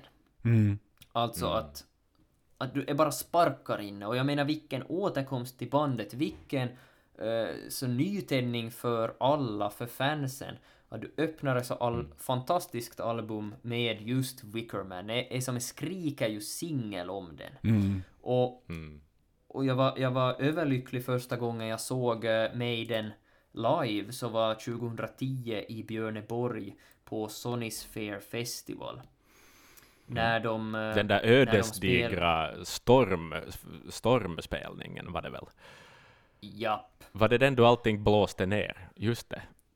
Yes, Mötley Crüe, de eh, fe, klena jävlarna så ställde ju in och, och fega ur och, och, och där var eh, Iggy Pop spela med en gitarrist och en saxofonist och en mikrofon och, och, och Alice Cooper spela med ingen bak, alltså knappt något ljus eller något, men giljotinen funkar. Och, Huvudsaken och det. Maiden, och Maiden stiger upp där i, det har varit storm och regn och dimma och är så tjock dimma sent i augusti så att, nej inte ens sent, det är 8 augusti ser jag här nu på nätet. Och, Mm. och så att man får se Maiden första gången i mörker, i dimma, i Finland efter en sån här dag. Och I de Björneborg med- av alla jävla ställen. Ja, på en jävla leråker. Och, och man, man, man får se, öppna med Wickerman och fortsätta med Ghost of the Navigator och sen från Fear of the Dark då, Wrathchild. Nej, den är inte alls från Fear of the Dark. Nu tänker jag på en annan. Be Quick or Be Dead, den har lite samma riv som Mm. Wrathchild. Men Wrathchild är ju äldre. Definitivt. Ja, men de, de är lite släkt så. Så att, att det var sån driv och att de fokuserar på just de här nyare låtarna. Att de spelar ju främst Brave New World där. På samma så finns eh, Blood Brothers och Wildest Dreams, No More Lies, Brave New World. Att det är bara nytt stuff. Och, och det tyckte Ja. jag var som en na- 93 född kille så var ju som det är ju de låtarna jag växte upp med till Ja, för det var den där mittemellan-turnén mellan Somewhere Back in Time och eh, Final Frontier Tour. Yes. De hade Just väl något det. kontrakt med Sonys Fair, så de åkte väl runt då, däribland på, på Stora Skuggan, som vi hade vår lilla eh, sommarfest vid. Eh, det var ju samma turné det då. Som de var väl lite, det- var väl lite typ Ozzfest i USA, motsvarigheten då liksom Sonys Fair. Att, Mm. Eh, Sen, jag missade ju faktiskt hela den där turnén. Jag ska, ju, jag ska ju skämmas, skämmas ögonen ur mig för att jag gjorde det. Det är faktiskt enda gången jag har liksom missat dem i, sen, sen dess att jag hoppade på tåget och började se dem live. Jag, jag vet inte vad som flög i mig. Men, det, men kanske just därför så ser jag den där turnén som en sån här en liten sån här jaha-turné. Men nu var det ju första gången du Mm. såg dem. Jo, alltså är ju, är ju ojämförbart. eh, Och, och just att, att det vann en ny... Jag förstår att det är många som var säkert lite besvikna på att det var så här mycket nytt stuff, men, men för mig var ju eh, fantastiskt att... Och, och sen fick jag ju se dem på nytt, jag har bara sett dem tyvärr två gånger, ja. Eh, och andra gången var på den här Final Frontier-turnén, då de ju körde mycket mindre matsko från Final Frontier och, och fokuserar ju ganska mycket tyckte jag på, på cla- Classics som till exempel då Evil That Men Do fick jag höra då. Mm. Och så fick jag höra Mm. Wicker Man igen och Two Minutes to Midnight och sådana så då fick man och här, förstås man fick ju vissa klassiker båda gångerna och så men Dance of Men det- Death det- tror jag det- spelades då också. Dance of Death spelade de på båda de här turnéerna jag har sett. Jag men jag hade tänkte ett... Just det. Ja, ja. Och, och, men det var först andra gången jag såg den som den på riktigt hittade hem i mitt hjärta. Mm. Det är ju Mm. det fulaste omslaget, eh, tycker jag Mm. nästan, som de har gjort. Mm. Och, och därför har vissa låtar kanske haft svårt att hitta in riktigt, men Dance of Death, när den väl hittade hem så var, var en stor upplevelse. Verkligen, Mm. verkligen. Ja, men det är ju, för att återgå till den där Sonisfair liksom setlisten också, att det är ju kul att tio år efter att albumet kom, alltså Brave New World, att de ännu värderar de låtarna så högt. På det Mm. sättet. Ja, att man liksom på en sån här lättsam sommarfestivalturné, där man ändå kanske ska plisa väldigt många, också andra än sina egna fans, att man ändå väljer att lyfta in så mycket av de låtarna, eh, är ju ganska fint faktiskt, det måste jag nog säga ändå. Och synd att Ja. jag missade den spelningen, för den, den låter så... Alla berättar om den. Och just det här med att Iggy Pop spelar typ akustiskt och att just att det viktigaste här är ju det att Mötley Crüe inte spelar. Liksom. Ja, absolut, ja. Ja, Jo, det är visar nog skillnaden på-. New Wave of British Heavy Metal och Glam Rock från sköna Kalifornien. Det är liksom, det är skillnad på folk och Ja. folk. Jo, nej men alltså, alltså du kan ju ställa in om du sjunger om äh, vi är på The Sunset Strip och vi, tar, vi, vi, vi är där och dricker drinkar och vi är så bra. Men satan, då, då du sjunger om att du ska springa igenom um, Passiondale och det, Blood and Trenches och hela skiten, så nu, du, du måste nog leverera lite då. Ja, ja, ja, det inte kan man vara någon primadonna och donna mera inte. Mm. Och alltså bör ju sägas att nej. Under den här spelningen så var ju lervälling, det hade ju regnat otroligt, så man stod ju som med skorna ungefär 5 till 10 cent i lera och vatten hela tiden. Och, och när allt var färdigt så stod jag och hängde längst fram på räcket och bara stirrade på, på, på lamporna. Och så kommer en rådare och slänger Steve Harris handduk. Eh, och så landar det mellan eh, högtalarna, bashögarna och, och det här räcket. Och i, jag och en annan kille, vi når inte den. Mhm. Så kommer en väktare och, och slänger över den. Och så fångar vi båda var sin ände av den här. Och vi har en dragkamp som pågår i minuter alltså. Till- Tills den här killen slänger sig på marken i leran och jag släpar han kanske tre meter. och, och, och någonstans där så tänker jag att okej, nu har han förtjänat den. Och så släpper jag. Oj, satan. Ja, så, så att, att det är ett starkt minne faktiskt. Så du har ägt hans handduk i tre, fyra minuter i alla fall? Ja, 50 procent. Eller var det delägare? Delad... Ja, de, delad vårdnad. Exakt. Oj, fan vad Ja. Jag undrar vad Yes, den där men- handduken är idag. Ja, jag hoppas, Ja. hoppas han har den hemma, den här killen. Mm. På någon fin Mm. plats. Ja, Ja. I en bastu. ja. Exakt. Den hänger lite snyggt och fint Mm. där. Mm. Herrejösses. Den var vit. Eller, när den, i förra leran var den vit. Okej. Efter de här live-minnena så nu ska vi tillbaks till Follan. Och till nummer Mhm. Mm. Eh, den här låten har jag aldrig fått se live, eh, vilket jag sörjer. Jag skulle haft chansen på senare turnéer som jag tyvärr har missat. Eh, Men det är låten Wasted Years. Oh, där kom den. Där kom den. Mm. Mhm. Eh, om jag ska motivera den så, så är någonting med, här än en gång, melodin som har resonerat så som starkt. Uh, den är ju, alltså den är melodiskt ett mästerverk helt enkelt. Men sedan också, jag, jag dissar just texterna att jag inte har lyssnat på dem så mycket. Men Wasted Years är kanske en av dem, eller det är den med den låt som allra starkast har, har resonerat hos mig. Eh, och det var när jag började läsa på om den och, och som på något sätt började lyssna på riktigt på texten och tänkte vad handlar den om? Och när det kom fram att den handlar om det här livet på vägarna och deras eh, som skoningslösa turnéer och hur, hur, hur de har mått ibland under dem och det här från hela frågeställningen att vad offrar du för att leva en viss sorts liv som ju de har gjort? Och Mm. jag är ju själv musiker och har som spelat och giggat aktivt och gjort alltså små turnéer. Man kan inte jämföra deras flyg runt till, till uh, Mumbai och sen nästa dag i, i, i Sao Paulo. Uh, men jag, jag har ändå så, jag kan förstå den här känslan av att vara ständigt på väg. Och Mm. och jag börjar själv med i så unga år, så jag ha- har väldigt mycket tänkt också på att vad har jag offrat för att göra den saken? Vad har jag förlorat?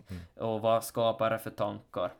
Eh, Så, så jag Mm. förstår hur man hamnar in i det här mindsetet och därför så resonerar det så starkt med mig. Mm. Ja, och det är ju en text som är så pass stark så att också en, en eh, vad ska vi säga, så pass creddig singer-songwriter som Ryan Adams har gjort, valt att göra en cover av den i något skede och så, och så där. Så att liksom den, det säger något om låthantverket också, att då, den, då en låt funkar i Ryan, Ryan Adams mun och en akustisk gitarr, så då är det Ja. någonting också, liksom att då är det, då är det mer än en hårdrockslåt på något sätt också. Jo, och så, och så är ju där den sticker ut också, att den, den handlar som inte, den känns inte uppblåst och som, alltså för, jo, skriv om, om gamla filosofer och, och krig och så, det är ju tufft mm, och, och smart, Mm. men men re, eh, vi människor vill ju ändå ha någonting som känns äkta och där eh, Mm. med, av Maiden får vi ju ofta andra saker textmässigt och så, så går vi på, Mm. eller jag går på musiken eh, känslomässigt. Men, men Wasted Years så, så är det en låt som jag textmässigt också faktiskt connectar med. Och, och, och jag la den i... Äh, nu, nu är jag nu droppa mi gymnasiebetyg så, så jag hade faktiskt med den eh, Wasted Years i, i mitt sommarprat också. Mm. Eh, ja, och jag, jag med, jag- där hade jag den i en en instrumental cover av en uh, stråkkvartett. Just det. Men Går, går royaltypengarna ändå till Maiden? Jag hoppas ju det. Jo, det gör de nog. Bra, bra, bra. Det är viktigt. Det är viktigt. Inte ska de där fiddlarna ha något. Ja, Men det är fint och det var ju en fråga nu. Vi har ju fått ganska mycket, vad ska vi säga, ris här i den här podden. För vi har väl inte varit jättefromma mot just albumet den ligger på då. Somewhere in time. Vad, vad anser du sådär spontant om, om Somewhere in time-skivan? Håller den måttet? Det är ju nog en svagare tycker jag. Förutom att den har sjukt coolt omslag och några bra låtar. Så som helhet tycker jag faktiskt inte heller den håller måttet. Heaven Can Wait är väl den jag förutom Wasted Years har lyssnat mest på av någon anledning. Mm. Mm. Mm. Nej men det blev en sån där mellanskiva för mig. Jag har lyssnat på Wasted Years kanske främst från Flight 666. Uh, Den här både DVDn och skivan. Uh, för jag tycker det är så fint, och det var kanske det som egentligen fick mig också kolla upp låten, när i tredje refrängen efter alla solorna så hojtar Bruce till Adrian och så sjunger han några strofer av reffen. Uh, the wasted time we're searching for those wasted years. Och, och jag bara som reagerar så starkt också på att vilken fin röst han har. Mm. Att det lät lät så innerligt och, och bara vackert. Så eh, den, den versionen är min favorit av den. Mm. Mm. Nej, den gör ju sig jäkla bra live alltså. Det gör den ju verkligen. Och den passar så bra in om du behöver lite, vad ska vi säga, lugna ner stämningen men ändå på ett sätt som, som behagar publiken väldigt mycket. Ja. Jo, du committar inte det här 10-15 minuters eposen utan det är ganska snabbt Mm. avklarat men alla, alla mår bättre efter. Det är ju en fin Exakt. Ja, utan Jo. vidare. Ja, och lite för att återkoppla ändå till, till den låt som föll bort från din lista, Passiondale, och, och hur det gitarrintro kanske är lite märkligt och sånt, så har de, de delar ju någonting ändå. De har ju lite samma, öpp, liksom det här öppen st- sträng pull-off-grejen på något vis. Att, att, att de ändå har kommit, det, det låtar helt olika låtar som ändå kommit ur, ur samma gitarrist och som ändå på något vis lite talar med varandra. Så eh, jag tycker att det knyter ihop listan, även om Passiondale då var som, mer som en bubblare. Men, eh, men det där, eh, en bra lista. Och jag menar inte, inte, inte är väl någon lista komplett utan just Heaven Can, ursäkta mig, Wasted Years som första plats. Jag, jag, jag tror inte att någon inte håller med, eller liksom det är på något vis objektivt, så är det bara så. Mm. Nej, du, Jag, jag tror nog den ska ha ett starkt stöd av, op, av opinionen. eh, Och, och, ja. alltså, jag tror den finns med på de flesta topp femmor i alla fall. ja.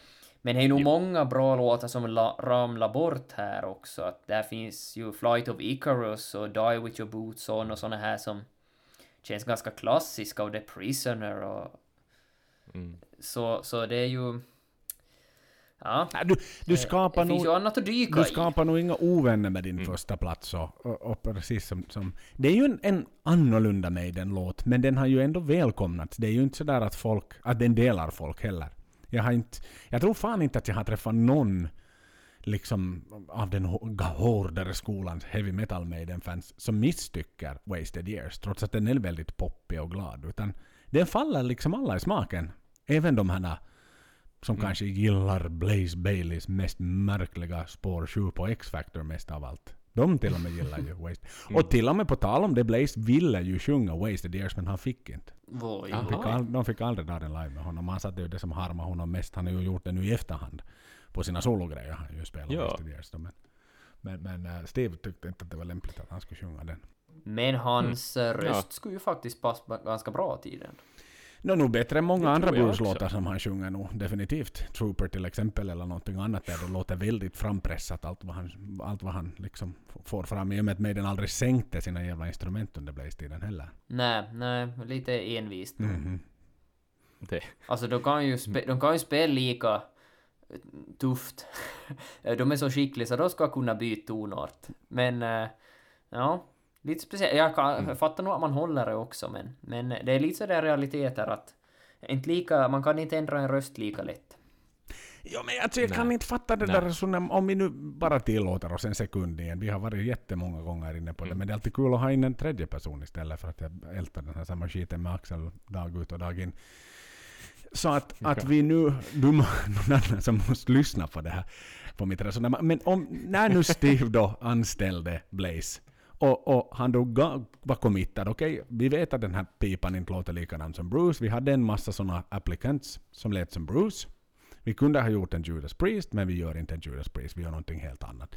Och då, med den vetskapen, att ändå inte ha det där mindsetet, okej men det här förutsätter att ska vi spela gammalt material som Bruce sjunger så behöver vi sänka instrumenten, spela i en annan tonart.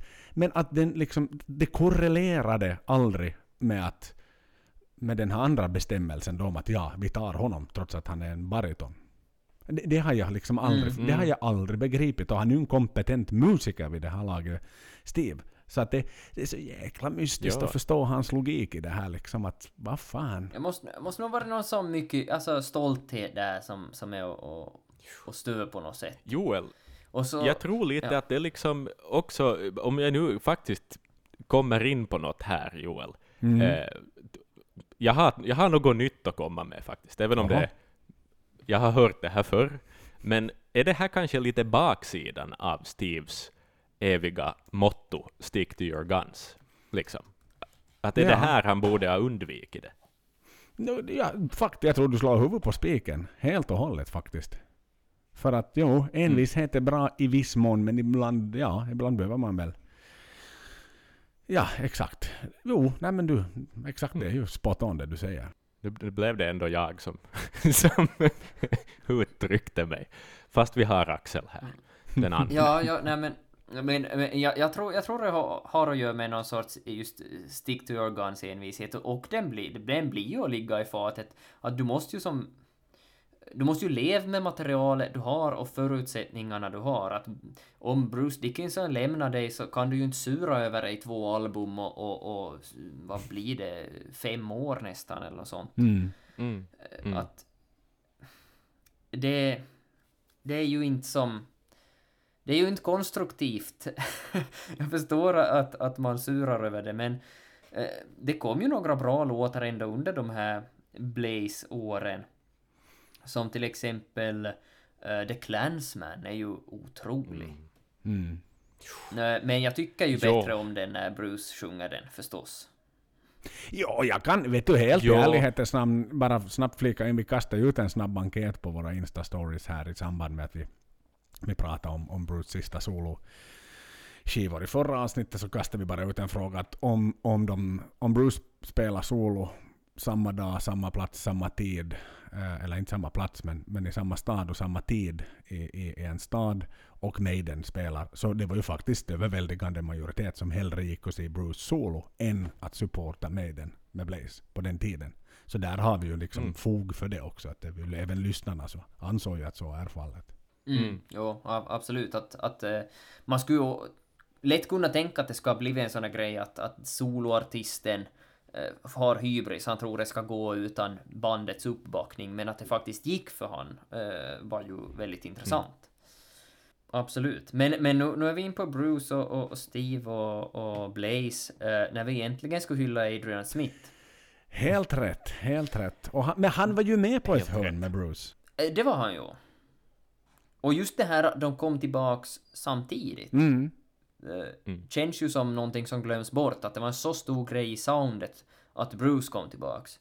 Men, eh, men jag tyckte det var så vackert att de, de, for, de, de, de jobbade ihop under tiden de var borta, och sen kom de tillbaks tillsammans. Och han spred sin eh, jeansväst-charm med lite sådär småreligiöst skägg Mhm. eh, Mm. över det här Rock in Rio-scenen och, och, och det följer ju förstås det här katolska världen i smaken och därav böljade publikhavet fram. Ja, det är fint. Det är fint. Exakt så. Mm. Axel, eh, har du några, några avslutande ord? Har du någonting, något, något eh, poetiskt att berätta? Um, vad, vad, ja, vad ska vi säga? Hoppas du att du får se Wasted Years live ännu en gång? Jo, jo, det drömmer jag nog om. Uh, och jag kommer nog göra allt i min makt för att se dem nästa gång uh, de spelar live också. För, för man, och man ångrar aldrig en live-keka, och speciellt inte med Maiden. Uh, så jag, jag vill absolut se Wasted Years live, och jag, jag vill tacka för att jag har fått vara med här, vilken ära, alltså eh, ni är ju sanna konnässörer av Maiden och, och ni, ni har så, så mycket kunskap, så här, den nördkunskapen som jag lite har lagrat långt bak i huvudet så jag känner hur det börjar koka nu igen och, och jag har fått en liten nytändning att lyssna på Maiden. Det går ju i vågor som, som är, kanske gör för vissa av oss som är svaga i tron. Men, eh, men jag tackar för den här nytändningen. Det var ett nöje att ha med dig Axel och faktiskt kul att få prata med någon annan Axel ibland också, måste jag säga. Så att, eh, ja, och och kul att få lite yttre perspektiv. Det blir ju lätt lite tradigt ibland när jag och Axel ältar på med vårt, vår dynga. Så att få lite nya, nya infallsvinklar och nya listor på saker och ting. Ja, Mm. Nej men det var, det var nöje att sammanställa det här så tack för att jag fick vara med. Nu ser jag fram emot att höra mer om Adrians eh, karpfiske. Jag ska ju tillägga här, vi, vi avslutade alldeles, eh, vad det sista snacket vi pratade om var ju lite om fisk. Mm. Och, och, och nu var det ju så fint som, som, som någon hade kommenterat i, i något fält, då när det var mycket Mm. snack om, om Monsters of River and Rock, att nu har ju faktiskt Maiden på de senaste tio åren släppt lika många fiskeböcker som album. Och, och det ger ju oss verkligen en möjlighet att ta tag i, i detta alster, denna fiskebok då som jag fått hemlevererad för ett bra tag sedan, signerad av Adrian Smith och hela, hela balunsen så att säga. Och, och jag avslutar faktiskt här alldeles i dagarna, läste ut boken. Mm. Och... eh, Var det din första fiskebok, Joel? det är min första fiskebok som jag någonsin har läst faktiskt. Det, det, det ska jag säga. Och sista, ska jag också Okej. säga. Eh, Jaha. Det kan jag villigt Det gav inte mer smak. Nej, verkligen inte. Verkligen inte.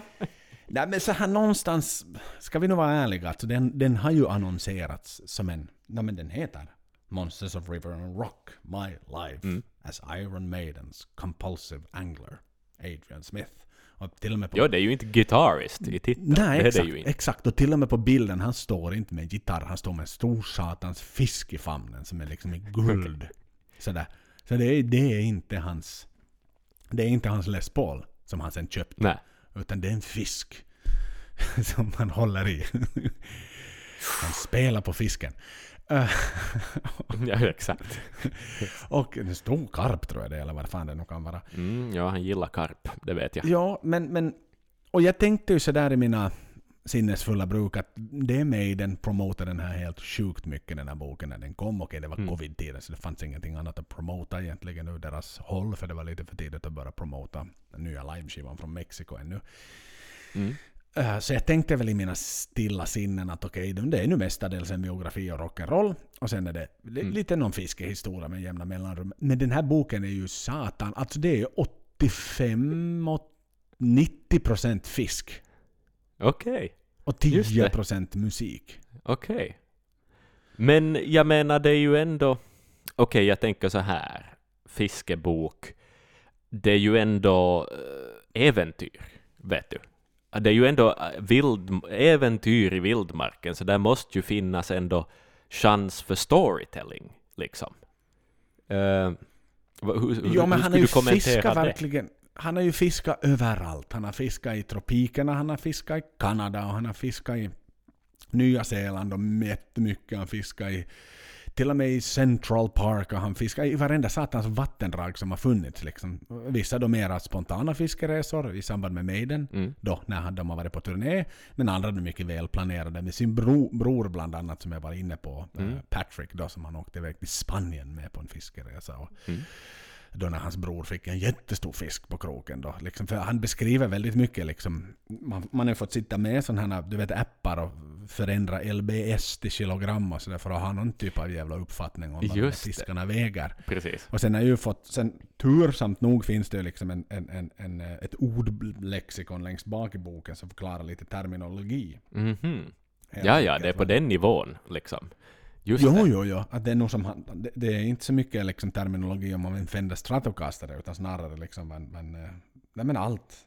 Allt satans fiskegrejer som finns. Liksom alla fiskeord som finns. Okej. Så, så här, hårdpluggar jag de här och går in på Rapala forum. Mm. Så lite street cred har jag i alla fall. Liksom sådär. Jag skulle klara mig att kunna lite sådär tills jag blir busted av någon. Precis, Sen kan precis. någonting. Som någon sån här liksom, eh, ja, barnkalas där man lite måste kallprata med, med andra vuxna som man inte direkt har någonting gemensamt med, men man måste nu ändå vara trevlig.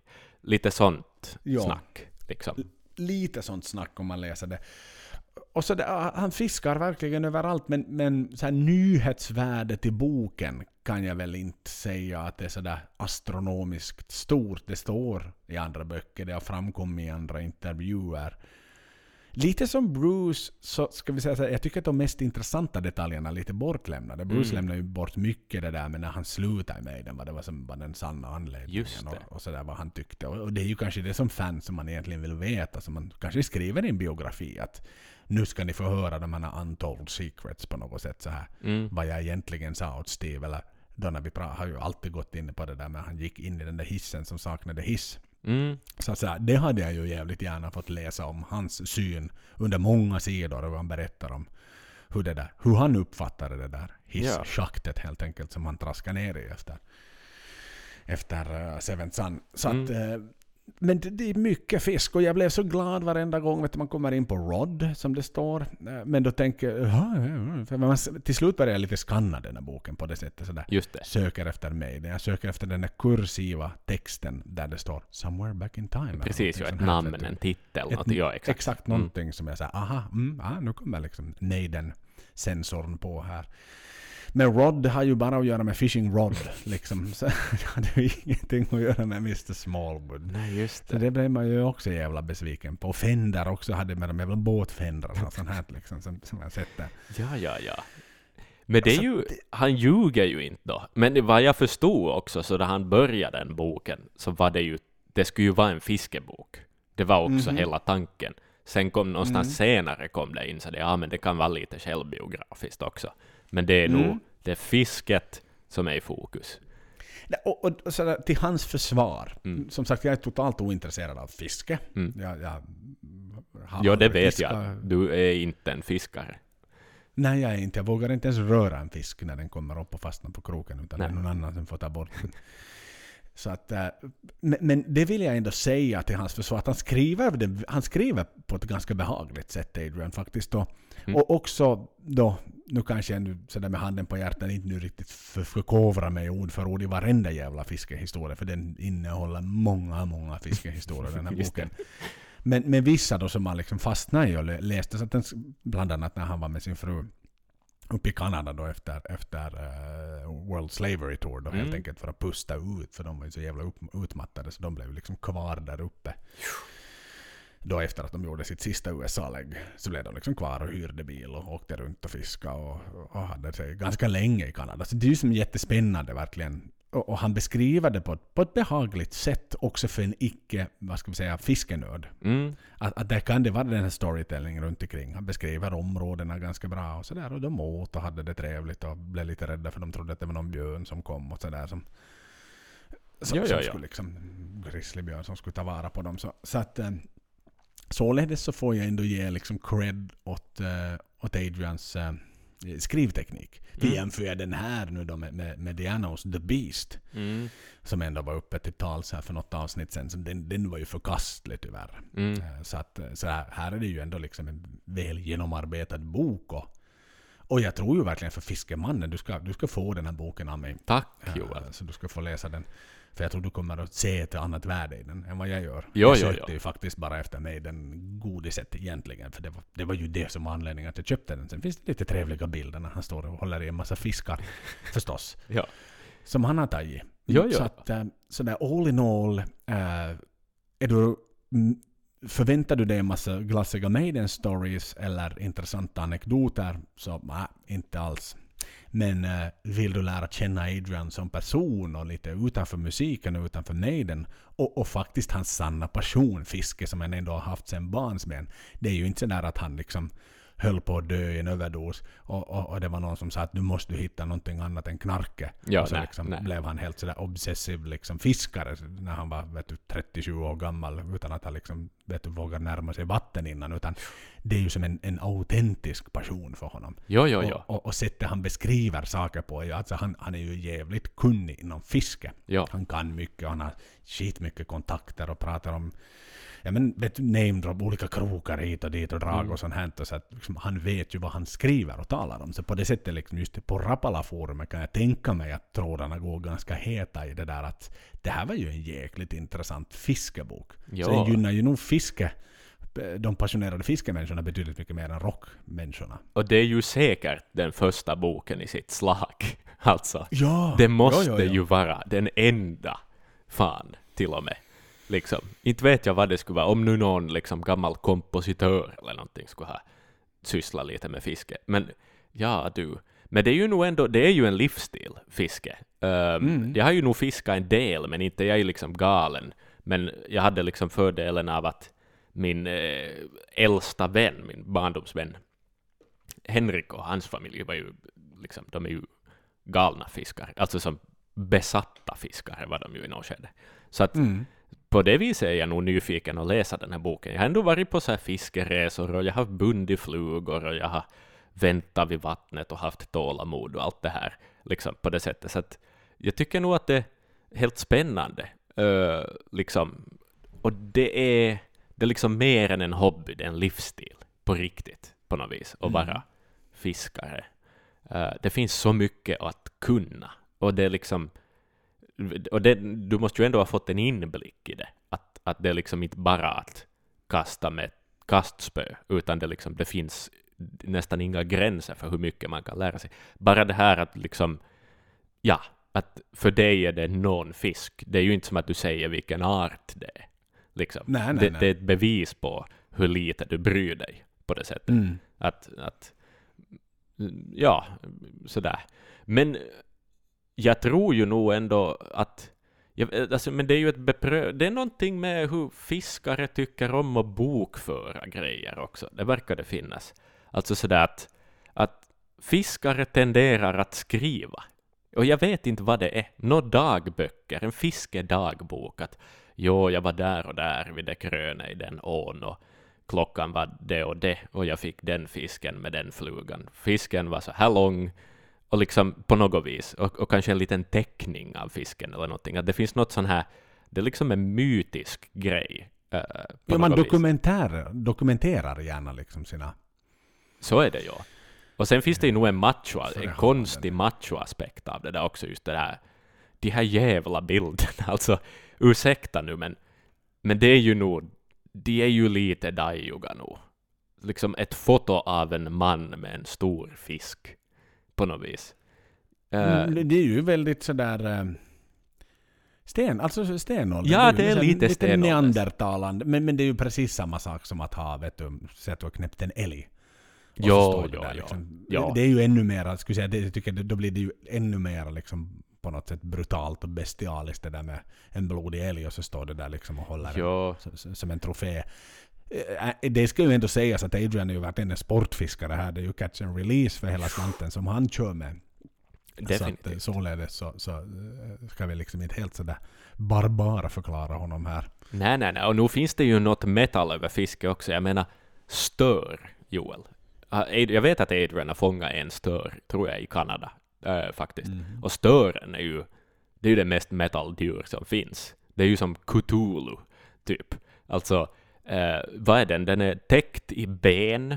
Den är lika, arten har funnits typ lika länge, alltså den levde samtidigt som dinosaurierna. Liksom att det är en av de äldsta levande arter som jag tror finns i världen. Och den är helt absurd, liksom, som en fisk. Den är typ gjord av pansar. Liksom, Mm.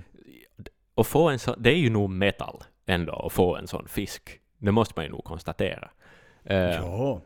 och sådär. Någonting med, med no, något orddjur i djupet, liksom. Att, att ehm, ja, ja, det, man har fångat liksom H.P. Lovecrafts monster på något vis. Det är klart att det finns en, en, en... Och det är väl om vi nu jämför till exempel... Jag vet inte om man ska göra det älgjakt och fiske, men, men nå, Nå- någonstans ju nå- en slags... Tidningar och sånt tenderar ändå att heta jakt och fiske och så vidare. Så nu är det ju lite Mm. samma sak. Ändå. Så att det är klart att liksom mystiken... En älg ser du ju liksom Mm. såklart där i skogen någonstans och så plockar du fram din bössa och ditt kikarsikte och så knäpper du loss och liksom håller tummarna att du lyckades med det.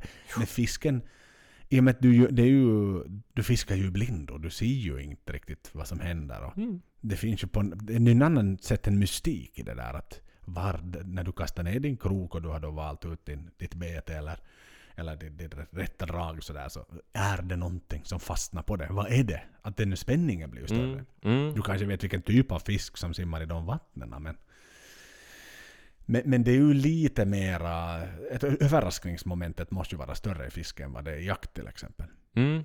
Jo, jo, jo, det är det ju nog. Och det är liksom mera en... Den där kunskapen är som...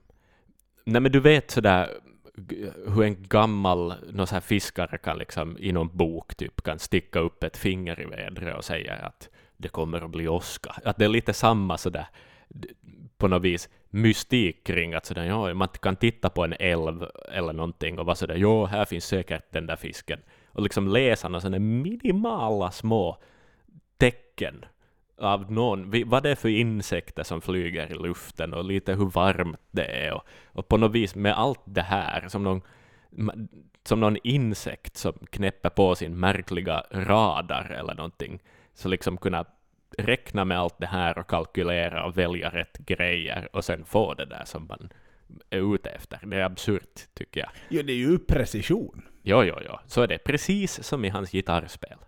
Mm. Så att eh, där, där finns det något. Det finns något, något där. Och liksom, ja, inte vet jag. Och han är ju också nog en prylnörd i Maiden. Och jag tror att det kanske också kan återspeglas lite ett intresse i fiske också, för det finns ju otroligt mycket pryl, prylnörderi i fiske också. Han, han är ju väldigt tarka med sin ton, och med sin...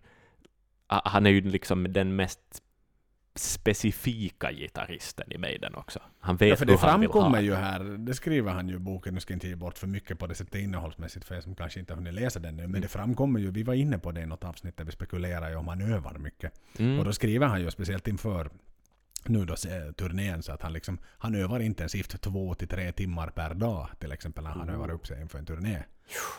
Och går och spelar igenom hela setlisten och sådär liksom. Och så att, och inklusive solon och allting för sig själv liksom. Och, Just det. att, bara för att liksom bekräfta den eh, tank, eller det som vi lite resonerar kring, att så är faktiskt fallet. Att även de här låtarna som man har spelat så många gånger så, så vill han verkligen att de ska sitta till perfektion. Jo, jo, jo. Och sen läste jag någon, jag tror det var en Loudwire-intervju eller någonting inför bokreleasen, så, så sa han också att han ibland till och med på fiskeresor tar med sig gitarren och en liten förstärkare för att kunna öva där också. Mm. Tänk så romantiskt ändå, på något vis. Tänk vad fint. Det är ju Ja, där, där, där är ju Adrian i sitt, sitt, liksom, i sitt habitat, vad heter det? Där är han i Mm, sitt I element. sitt element. Ja. Ja, men tänk att sitta i en stuga då, fiska hela dagen och få liksom sitta och öva lite gitarr. Oj, oj. Inte, inte går det någon nöd på honom där. Nej, nej. Nej, Men hans fru ska ju nog ha tålamod, för hon är nog ingen stor fiske. Hon, hon fiskar ju inte själv. nej, just det. Och hon har ju hängt med en hel del sådär. Det känns ju som att du blir ganska lätt och sidosatt som fru. eller som partner överlag om den andra är väldigt fiskeinbiten. För att det är ju inte en, kanske nu en riktig lagsport heller det där med fiske, utan du far iväg på dina och sen byter du jag menar, du antar du antagligen på olika platser sådär att nej, det var inte bra här så vi far vidare till nästa ställe och det kan ligga ganska långt borta om man då far med båt eller behöver gå dit. Och, jo, jo, jo. Jo, det minns jag nog sådär från mina fiskeresor också att det var liksom mm, man hade stått någonstans och fiskat och skulle leta upp någon, så nu var det nog som ibland att man måste gå kilometrar innan man hittar, hittar sin vän. Liksom på det mm. sättet att det är nog, man är kanske på resan tillsammans, men nog fan håller sig folk för sig själva ändå. Eh, ja, för du är väl så inne i det där när du står och, och fiskar då också och håller koll på linor och liksom Ja, så ska det vara tyst och, och det ska liksom, ja exakt, man ska inte skrämma fisken och allt möjligt sånt där. Ja, mm. ja, men inte vet jag, jag tänkte, om vi nu ska nörda in oss på något lite ändå, så tänkte jag nu, det är karpfiske, för det verkar vara, som jag har förstått det jätteförekommande. Och jag bara flikar in att han, i USA så ansågs skarpen vara väldigt smutsig mm. till en början. Men det finns någon American Carp Association som liksom har rentvått karpens rykte också i USA. Okay. Vilket Adrian är väldigt glad för i boken. Att den har liksom ändå fått en respekt i USA från att ha varit en sån här skitfisk. Precis, ja. Ja, ja för det talar han om själv också, att just då han ändå var en iständ på något vis hackney mm. kid, och de fiskar liksom just abborre och sånt i några kanaler i industriområdet. Att liksom han kommer ju nog från, från liksom en sida där man respekterar också skräpfisken på något vis. Och, så det låter ju bra.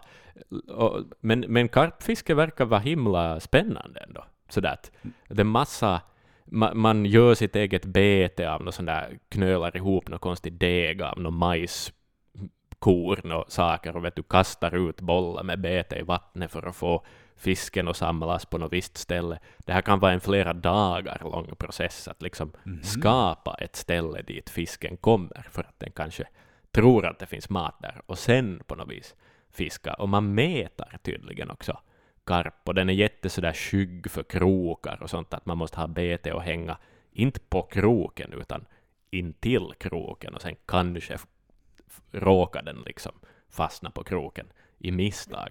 Och, och den kan ju vara sanslöst stor ser när jag gör en bildsökning här i Google. Ja, det kan ju vara någon sån där 20, 20 kilos bjässen, liksom, fast de ser ut som små. De ser ut som typ en guldfisk.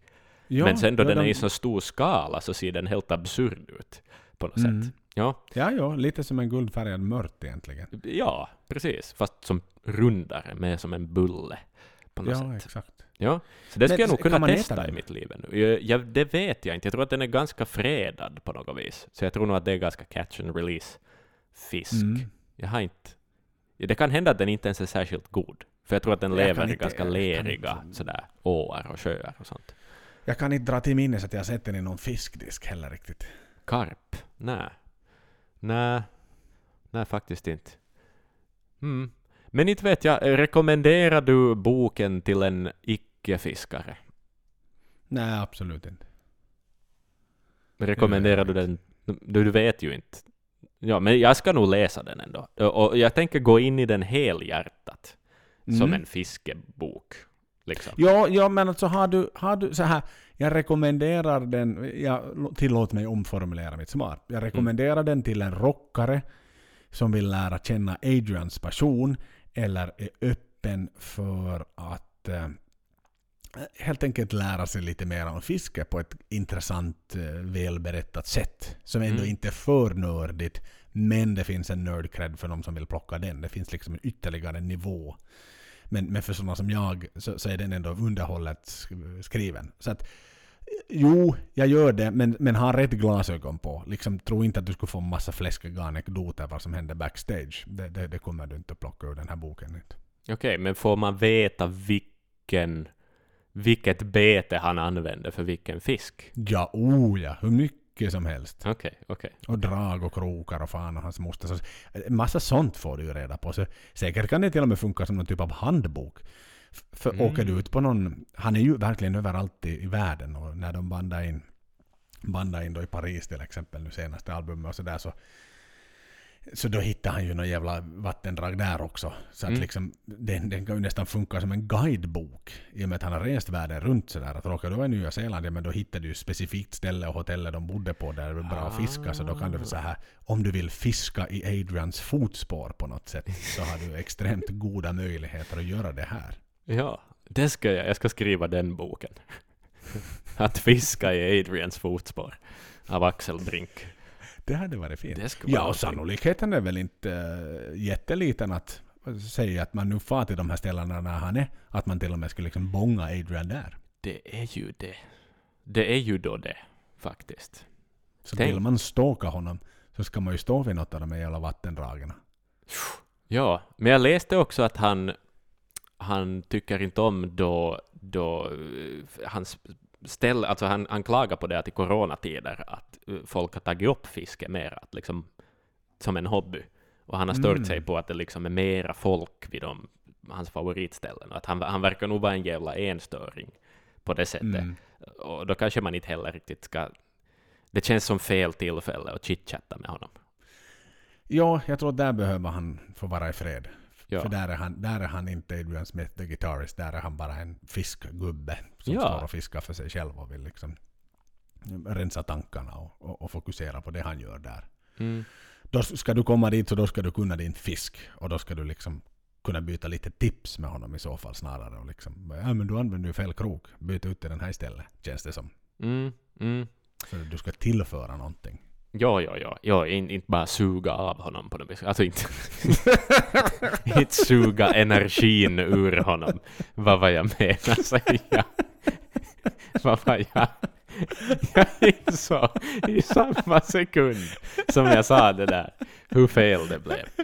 Jävligt absurd syn. Står där på knä vid strandkanten. Ja. Just det.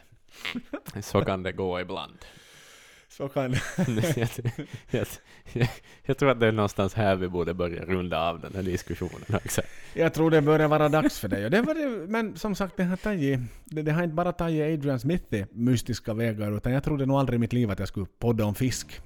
Nej. Heller, men det har den här podden, podden tagit oss till, till fiskens fantastiska värld också. Och som sagt, liksom, läs nu den om ni vill. Eh, vill, ni, ni, vill ni bara ha Maiden Story så klarar ni er utan innehållet. Mm. Men, men vill ni ta del av hur Adrian skriver text så, så kan jag ändå rekommendera den ganska varmt. Inte, inte, inte kokhett så att säga.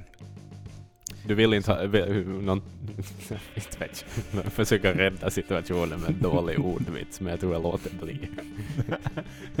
På väg till med någonting mystiskt här. Ja.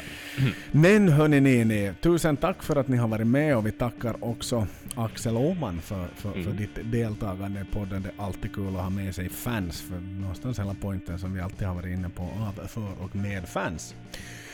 Och hör ni, håll i hatten nästa gång. Ja, då kan Mm. vi säga vad satan är det som händer nästa gång Axel. Boom! Då jävlar är det power slave alltså. Oh yes. Så, sköt om er. Välkomna tillbaka om två veckor när vi tar oss an den mastodonten från 1984. Den stilbildande plattan. Vi kommer att ha mycket och mycket och ännu mer att prata om. Om den Mm. kan jag tänka mig. Tjo! Puss och kram! Up the irons.